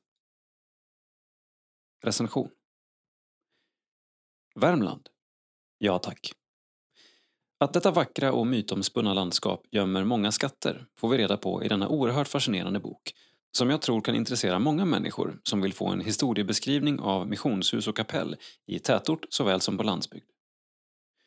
Boken ger inte bara en ordentlig förteckning över alla dessa olika hus och kapell utan läsaren får också information var de olika samfunden höll till, om de var stora eller små. Ibland har författarna kunnat få fram mycket information och ibland mindre. I boken ges, förutom en presentation av de många gudstjänsthusen, kapell, missionshus och kyrkor, också en kortfattad beskrivning av väckelserörelserna. Det var genom dessa som församlingarna och föreningarna fick nytt liv. Av de frikyrkliga är det tydligt att SMF, dåvarande Svenska Missionsförbundet, haft en särskilt stark närvaro i Värmland. Det var inte heller ovanligt att folk var dubbelanslutna. Många av husen var förstås enkla sett till byggnadskonstruktion men de användes vanligen flitigt till gudstjänstverksamhet i olika former. Att läsa om var och en av dessa hus vill jag likna vid att kliva in i en församling jag inte besökt, men blir introducerad till. Detta är en typ av regional kyrkohistorisk skildring som visar på kristendomens oerhörda inflytande i vårt land. Boken är också att betrakta som ett slags uppslagsverk. Presentationen sker kommun och sockensvis. Boken är rikt illustrerad och vi som har koppling till Värmland känner väl igen oss. Förordet är skrivet av biskop Sören Dalevi. Daniel Kjellander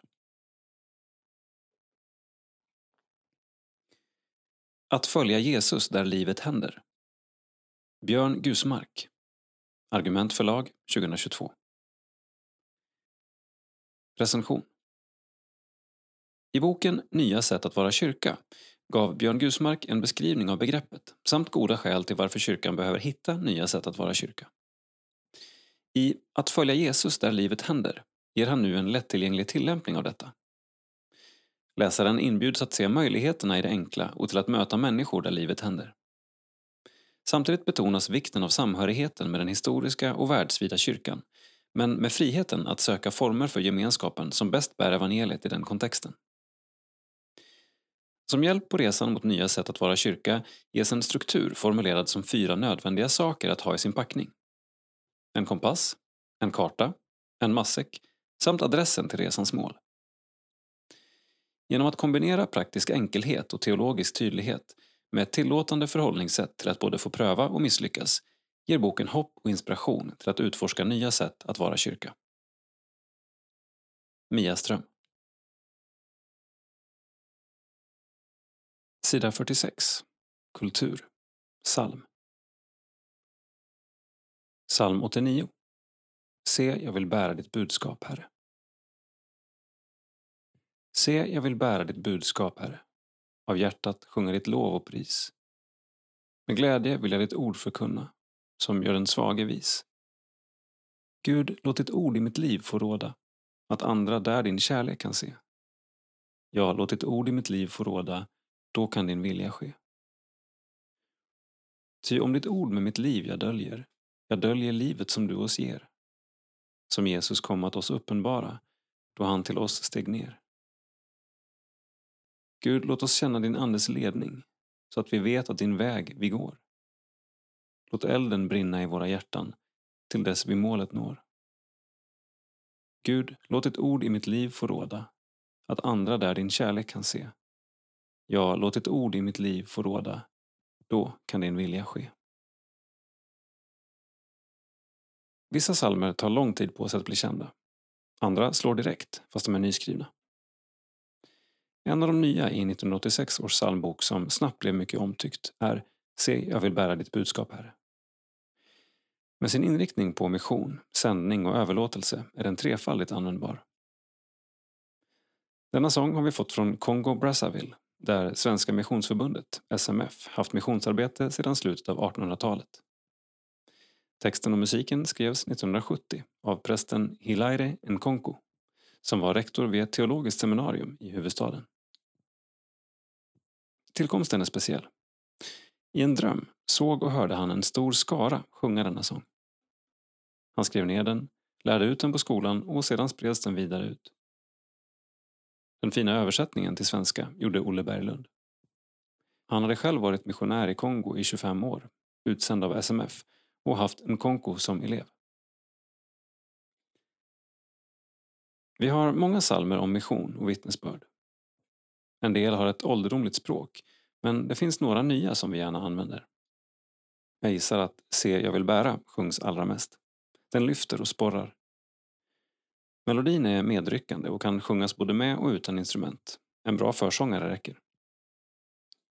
Den ska inte sjungas alltför snabbt, då får man det rätta gunget. Min vän Anna-Lena i Ursviken säger Det här är verkligen Afrika. Och orden i salmen går så bra ihop med rytmen. Det är därför den är så härlig att sjunga. Rektor Nkonko tänkte på de blivande pastorer som utbildades på seminariet när han skrev sin sång. Men texten passar för oss alla som är kristna. Det är ju inte bara präster som ska vittna om Jesus och sprida Guds ord. Sången börjar med en bekännelse. Vi vill vara med och bära ut Guds budskap och inte blygas för ordet eller för Herren Jesus. Liksom många andra salmer är den dock inte enbart en bekännelse utan också en bön. I refrängen ber vi Gud om hjälp att kunna vara hans vittnen. Och för att vår glöd inte ska slockna under livets gång ber vi i vers 3 om Andens ledning och kraft. Torbjörn Arvidsson Sida 53 Info Kalendarium, information, kungörelser, sociala medier och mycket mer som rör EFS och SALT. Har du frågor? Kontakta oss på budis efs.nu. På gång 17 till 19 juni, Piteå. Nybörjarscoutläger, Stortjärn. 10 till 13 juni, Hjälmared. Sommarsalt, barnläger, Hjälmareds folkhögskola. 19 till 21 juni, Karlskrona. Sommarläger på Stenbräcka. 19 juni till 9 juli, Åhus. Konfirmationsläger, Åhus. Vi ser två bilder från Instagram Först från kontot Strandhems bibelskola där vi ser ett gäng människor som spelar kubb med texten I helgen firade en stor del av klassen valborg tillsammans. Det blev en härlig kväll med femkamp, god mat och trevligt sällskap. Tack till alla som var med. Och sedan en bild från kontot Biskop Karin. Vi ser en bild på fyra präster och biskop Karin. Med texten Idag var det fest i Bro församling. Vi tog emot Katrin Nordqvist som kyrkoherde och sedan har vi firat mässa med efterföljande boksläpp i Knivsta. Då mottogs Johannes Sköldängens kommentar till Marcus evangeliet. Hallå där, Kristoffer Abrahamsson, vars bok Med Gud i verkligheten, bortom klyschor och fromma fasader, nu trycks i en andra upplaga. Hur känns det att den första upplagan är slutsåld? Jag är glad och tacksam att boken blivit läst, spridd och att den betytt något. Det är många personer i olika åldrar som hört av sig och sagt att boken varit ett stöd för dem och att den fått ge ork att fortsätta deras vandring med Gud. Detta var din första bok. Har du fler böcker på gång? Jag längtar efter att få skriva mer och försöker sätta ord på det som hjälper oss att leva som människor i verkligheten tillsammans med Jesus.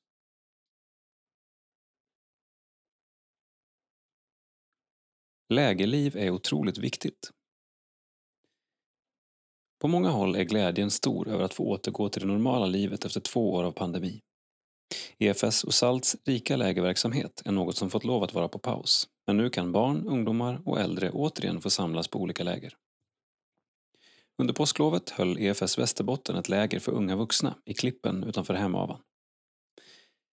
Det var helt fantastiska dagar och en underbar plats att vara på. För mig var det första gången jag var på Klippengården. Säger ledaren Anna Duveskog som till vardags arbetar som musikkonsulent i Vasakyrkan, Umeå. Anna, som själv är uppväxt inom pingst, är väldigt imponerad över EFS lägerverksamhet. Jag måste säga att den är helt makalös. Och lägerlivet är så otroligt viktigt att få uppleva. Jag är så imponerad över alla ledare som till och med tar semesterdagar för att vara med och ställa upp. Rättelse I förra numret av Budbäraren trycktes fel text som teologisk reflektion. Det skulle ha varit en text av Marie Larsson, men det blev i själva verket en text av Thomas Nygren. Insamling Nya visioner växer ur förödelsen. Förra årets översvämning vid Mekaniesus-seminariet slog väldigt hårt, både mänskligt och ekonomiskt. Rektorn, doktor Bruck och många engagerade arbetade 36 timmar i sträck i gyttjan och det mycket förorenade vattnet. De letade kroppar och stöttade familjer. Men trots alla insatser blev förlusterna enorma och åtta människor avled. Ett knappt år efter katastrofen är förödelsen fortfarande påtaglig men stora byggnads och dräneringsprojekt pågår för fullt. MIS har en 30-årsplan för utbyggnad och nya inkomstgenererande projekt och ett första synligt tecken på detta är att en stor byggnad för uthyrning nu i det närmaste är färdigställd. Visioner saknas sannerligen inte. Vi från EFS styrelse vill rikta ett stort tack till alla er som burit seminariet genom böner och gåvor under den här svåra tiden. Utbildningen vid seminariet fortsätter att vara oerhört viktig för de hundratals studenterna. Thomas Andersson, EFS styrelse, på besök i Etiopien. Hyvings hörna. Ge regelbundet. Stora gåvor är kul. Såklart att få, men också att ge. EFS får mängder av gåvor varje år, både stora och små. Under fjolåret fick vi faktiskt långt över 50 000 enskilda gåvor från föreningar och privatpersoner. Vilka av dessa är då viktigast för oss? Ja, utan att vara otacksam mot er som ger stora gåvor då och då så skulle jag säga att de regelbundna gåvorna är de viktigaste, oavsett belopp. För vår verksamhet är regelbunden och långsiktig och vi vågar mer när vi vet vad som kommer in. Du vet säkert redan att allt vi gör bärs av dina och andras gåvor. Så vare sig du kan ge mycket eller lite, så ge regelbundet. Gärna via autogiro, så vet vi till och med när i månaden din gåva kommer. Tillsammans kan vi få se människor och samhällen förvandlade av Jesus. Bra va? Roland Hyving, ekonomichef EFS. Gåvoresultat april. EFS. Insamlat 2,2 miljoner kronor. Budget 2,2 miljoner kronor. Det preliminära insamlingsresultatet för april är nästan 2,2 miljoner kronor, vilket är 10 000 kronor mindre än budgeterat för månaden. Hittills i år har EFS samlat in 9,5 miljoner kronor, vilket innebär att årets insamling i skrivande stund är något över budget. Insamlat 9,5 miljoner kronor. Mål 2022 31,8 miljoner kronor. Salt. Insamlat 177 589 kronor. Mål 2022 1 miljon kronor. Den här månaden har gåvorna till salt minskat något medan en större del av gåvorna har gått till nödhjälp. Vi är tacksamma för varje krona som ni ger och som ger oss möjlighet att vara barnens röst och hjälp både i omvärlden och i Sverige. Sida 56. Barn i alla länder. Fridas kärlek till världen. Som missionär har Frida Tornell fått jobba nära sitt hjärtas längtan. Att de som ännu inte hört om Jesus ska få lära känna honom. Frida växte upp i en stor familj som flyttade från Göteborg till Lund och sedan till Stockholm. Föräldrarna arbetade bland annat som skolevangelister och hemmet var ofta fullt av alla möjliga folk. Frida själv har alltid gillat äventyr och tyckte om att möta nya människor och nya kulturer. Sedan Frida var liten har hon dragits till både djur och människor som är utsatta och när hon var tonåring började hon förstå Guds kärlek. Att han längtar efter att alla i världen ska höra evangeliet om Jesus. Som 18-åring råkade Frida flytta till den mångkulturella orten Rinkeby. På torget bland de slöjbeklädda kvinnorna kände hon sig fri och glad. Allt oftare började hon be för muslimer. Vart skulle denna längtan ta henne? Hade Gud börjat plantera en kärlek till världen inom henne? Frida hörde aldrig Guds röst tala om muslimer, onådda folkgrupper eller mission. Men i efterhand är det tydligt hur Gud väckte den där inre kallelsen och planterade en längtan i henne som växte fram. När Frida var 22 år reste hon runt ensam i Mellanöstern i två månader. Där på marknaden i Damaskus, drickandes te med en kvinna, kände Frida att här är jag på rätt plats. Frida ville kunna prata med kvinnan om livet och om tron. Den sommaren förstod Frida att kärleken till de onådda, de som inte hört om eller känner Jesus, var Guds väg för henne. När Frida året därpå började dejta honom som kom att bli hennes man var detta det första hon sa till honom. Hon visste inte var eller hur, men hon visste att på något sätt skulle hon leva nära muslimer och den förföljda kyrkan. Så har det blivit. Frida har levt med sin familj i Sudan, i Sverige och nu på Afrikas horn och de onådda folkgrupperna där. Oro har funnits över hur allt ska gå. En del perioder har varit riktigt tuffa med depression och Frida har känt sig liten. Men Gud har haft koll. Gud får Frida att se skönhet i människor och platser på ett sätt som inte alla gör. När hon hör människor sjunga lovsång till Gud på språk som det är förbjudet att lovsjunga på pirrar det i henne av glädje. För Frida finns det inget vackrare än att vara med där kristna som är förföljda kommer in i en gemenskap.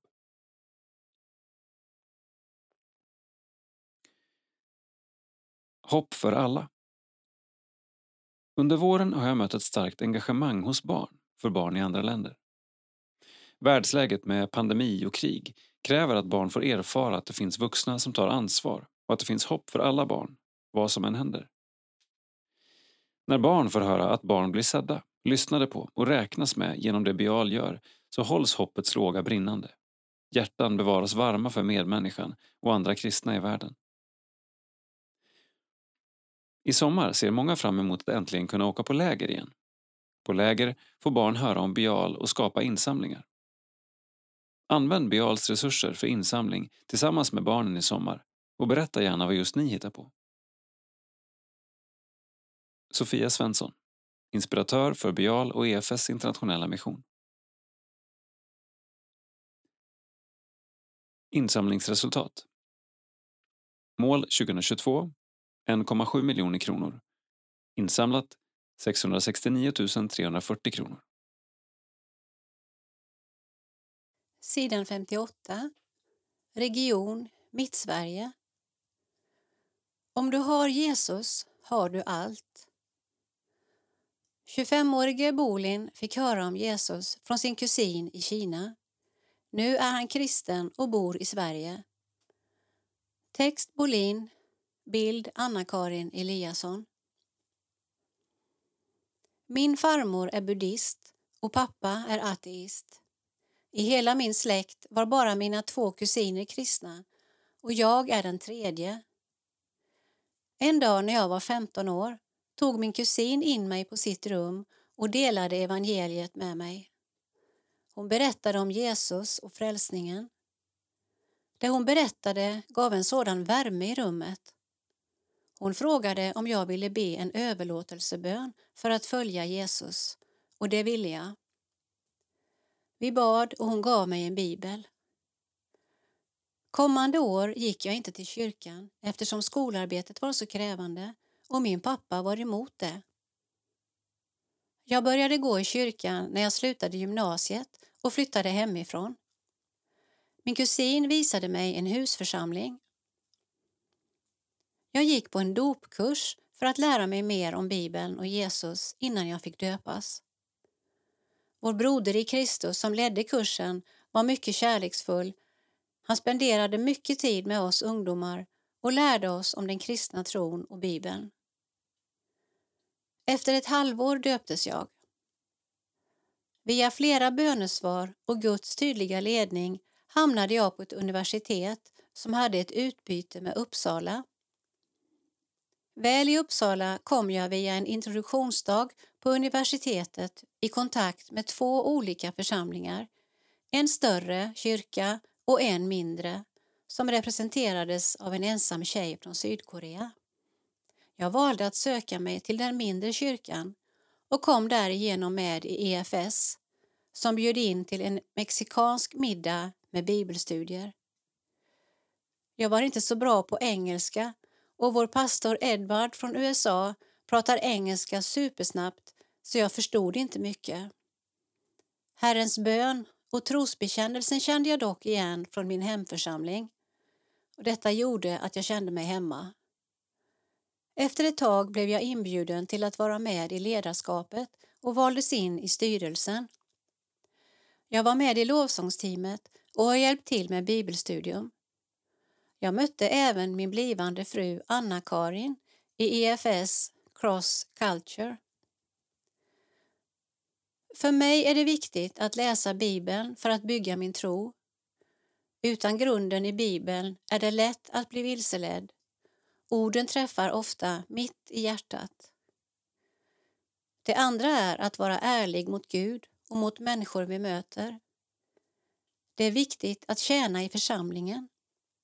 Många människor idag går till kyrkan ungefär som när man går till en restaurang och förväntas att serveras budskapet utan att ge något tillbaka.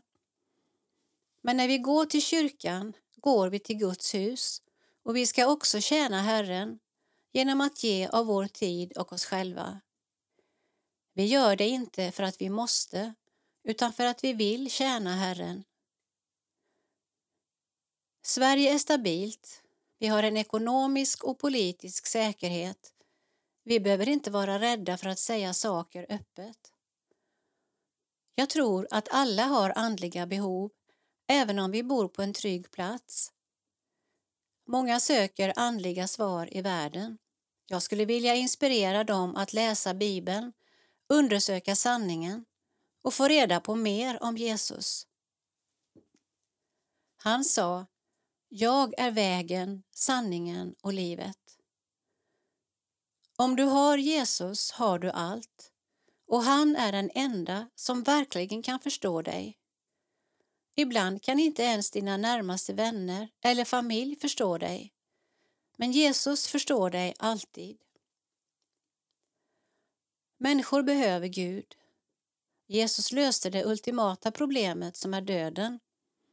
Jesus sa att om vi tror på honom och accepterar honom behöver vi inte vara rädda för döden.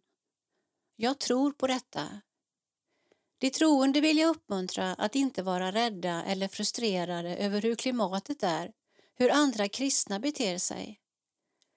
Läs Bibeln själv och håll din tro djupt rotad i Bibeln. När vi mår bra eller dåligt älskar Gud oss lika mycket. Vi är bara små människor. Gud är den mäktige. Region Sydöstsverige Hittade hem till kyrkan via internet. Likt ett fönster blev webben en plats att under pandemin kunna kika in i kyrkan och i sin egen takt växa i tro. Text och bild Lukas Mellergård. Trots att kyrkan var som mest stängd under pandemin kom ändå många nya att hitta till kyrkan. Region Sydöst har träffat Kajsa Delborn som under det senaste året hittat in i Vasakyrkan Kalmar. Hennes första kontakt med kyrkan kom via de livesända gudstjänsterna. Vi pratar om kontrasten i att se gudstjänster på webben och att mötas fysiskt i kyrkan. Hon minns hur välkomnande det var och hur hon mötte en kvinna i kyrkan. Kvinnan kom fram till mig och frågade Åh, du är ny här va? Och jag svarade ja på hennes fråga varpå hon säger Välkommen hem. Kajsa pausar och tittar in i kyrksalen. Det kommer jag aldrig glömma. Det var så fint. Kajsas väg in i kyrkan är kanske på ytan lite annorlunda men på djupet känner vi igen storyn hos många. Det börjar genom en vän och någon man känner från kyrkan. För mig var det genom en bekant som jag visste var aktiv i kyrkan. Under pandemin kom hon och gav mig en bok med dagliga reflektioner, säger Kajsa och fortsätter. Boken hade en kristen anknytning och jag började läsa den och blev sedan nyfiken på kyrkan och kristen tro. Jag gick då ut på nätet och sökte och det fanns jättemånga olika poddar, videos och undervisningar. Jag kollade även in på EFS och Vasakyrkan.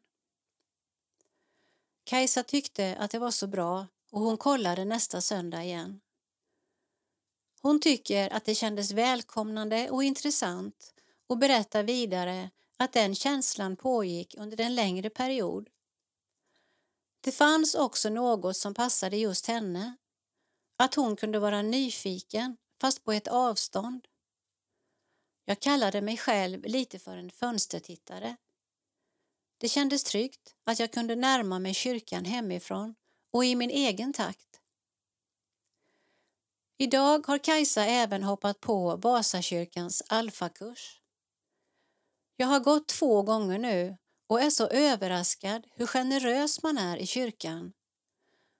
Att man inte tar för givet hur man tänker eller tror på Gud och att vi i kursen uppmuntras i att ställa frågor och fundera kring tro. Jag hade en föreställning om att man behövde vara klar över att man tror och sedan gå till kyrkan, men så är det inte. Efter att ha pratat en stund om hur det är att komma till kyrkan som ny, säger Kajsa. Att gå till kyrkan är inte något älgakliv med båda fötterna. Det fina med kyrkan är att det finns en öppenhet och en välkomnande atmosfär. Att vi först får känna tillhörighet och sedan växa i tron på Bibelns Gud genom Jesus Kristus.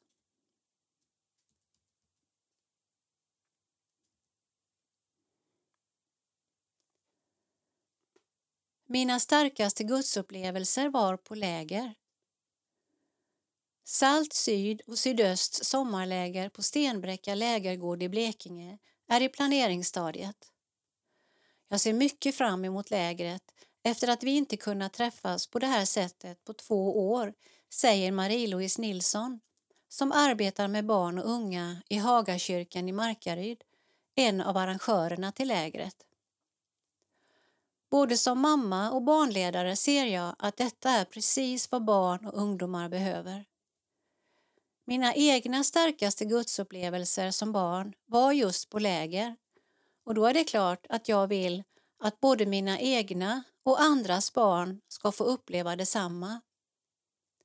Vilken bonus än att få vara på Stenbräcka, precis vid havet och att göra detta tillsammans med så många andra engagerade ledare.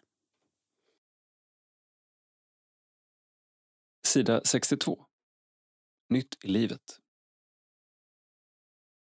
Till minne. Annie Hellström. Missionären Annie Hellström har fått komma till sitt himmelska hem i en ålder av 91 år. Hon växte upp i Norrfjärden och var en av predikanten Leonard Hellströms elva barn.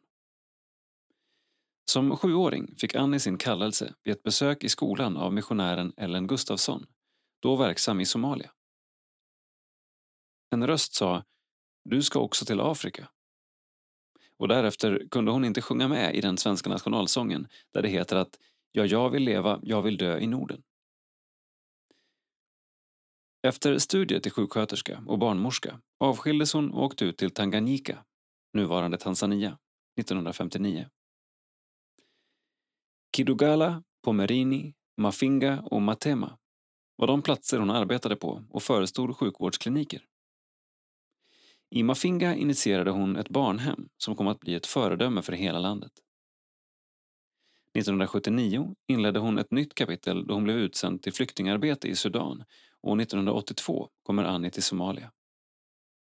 Sina sista år var hon föreståndare på SCRs kontor i huvudstaden under brinnande inbördeskrig där livet många gånger hängde på en skör tråd. Envist fortsatte hon att arbeta vidare när andra hjälporganisationer lämnade området på grund av den extremt farliga arbetssituationen. Efter hemkomsten fick Annie mottaga konungens medalj för extraordinära insatser. Annie var viljestark, energisk och levde enkelt och självuppoffrande. Hennes berättelser var alltid lika fängslande. Vi kommer att sakna denna Herrens tjänarinna som alltid gav Gud äran i det hon fick uträtta. Syskonbarnen Ville.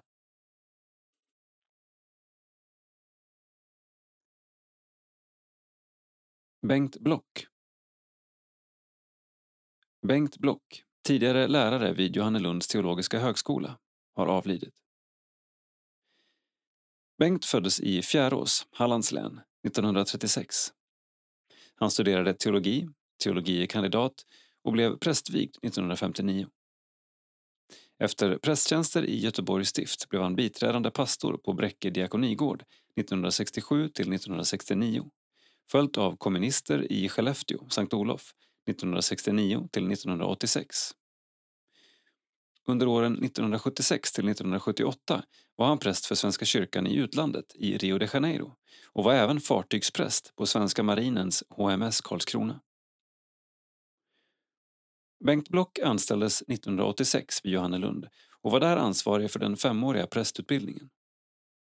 År 1993 blev Block kyrkoherde i Urshult, Växjö stift.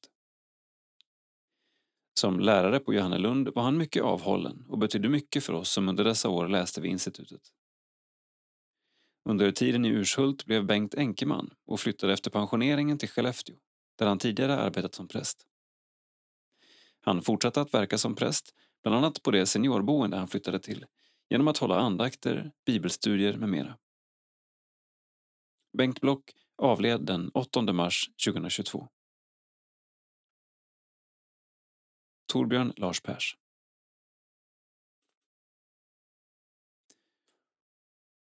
Avlidna. Vår älskade Staffan Sundström, född 29 augusti 1953, har idag lämnat oss i stor sorg och saknad. Falun 15 mars 2022. Eva. Linnea och Daniel. Ellen. Elise. Mor Märta. Övrig släkt och vänner. Ditt kors ska skina för min blick när sist jag somnar in, o Herre Jesus Krist. Då viker natten, morgon bräcker klar. I liv, i död, bliv Herre hos mig kvar. Psalm 189, vers 7, Svenska psalmboken. Begravningen har ägt rum i kretsen av de närmaste. Tänk gärna på Olsnäsgården, bankgiro 5386-0474. Se minnessida på Malte och Maries begravningsbyrå. Vårt varma tack till alla er som på olika sätt hedrat minnet av vår kära Rut Abrahamsson vid hennes bortgång och begravning. Elisabeth och Stig-Erik, syskonbarn. Sidan 66. Salt. Krönika. Ni är Guds barn. Att få se er överlåta er till Jesus visade mig Andens verk, skriver Monica Arndt. Jag skulle inte säga att jag är en bra ungdomsledare. Jag avskyr att leka lekar, gömmer mig gärna bakom någon viktig uppgift när det är sånt som alla ska vara med på, blir blyg och har fruktansvärt svårt att komma ihåg namn. Ändå fick jag bli lägerchef för Livskraft Polar för sex år sedan. Och efter det blev inget sig likt. Det Gud gjorde för mig genom det läger som sedan följde har varit otroligt viktigt för mitt kristna liv. Men framför allt väckte han en kärlek i mitt hjärta för ungdomar och unga ledare som helt svepte undan fötterna på mig. Att få se er hängivna, Kristusöverlåtna, ödmjuka och fantastiska unga ledare villigt tjäna era vänner visade mig ödmjukhet. Att få se er öppna er, visa er sårbara, styrka och trösta varandra visade mig kärleken till sin nästa. Att få se er överlåta er till Jesus och böja knä inför Fadern i tillbedjan visade mig Andens verk. Det var just ni som visade mig det. Inte någon äldre förebild, inte någon lärd teolog, inte ett väl arrangerat läger, även om sådant också är viktigt. Efter det där första livskraftlägret var det tydligt för mig hur viktiga ni är, vilken oerhörd kärlek Gud har till er och att den kärleken genom er kan flytta berg. Ni är viktiga för salt. Ni är viktiga för mig. Jag vet att vi är många som ser er, som vill hjälpa er och ge er alla de verktyg, den undervisning, de råd och böner och kärlek som ni kan behöva. All vår erfarenhet är er men också viljan att låta er skaffa er egen erfarenhet, pröva era egna vingar. Jag drömmer om att ni som ger så mycket får någonstans där ni får vila ut. Jag drömmer om att ni som ger Guds ord åt de törstande själva får släcka er törst. Att ni som ber för andra själva får förbön. Att ni som fixar, leker, spexar och öppnar era hjärtan och låter nästa generation ungdomar bli sedda och uppskattade också får bli sedda och älskade. Ni är kallade vid namn till att vara hans älskade, hans utvalda. Låt ingen se ner på er för att ni är unga. Första Tim 4 och 11. Ni är inte alla de fantastiska saker ni gör. Ni är Guds barn. Vila i det. Monica Arndt, vikarierande biträdande generalsekreterare, SALT. Tack för att du har lyssnat.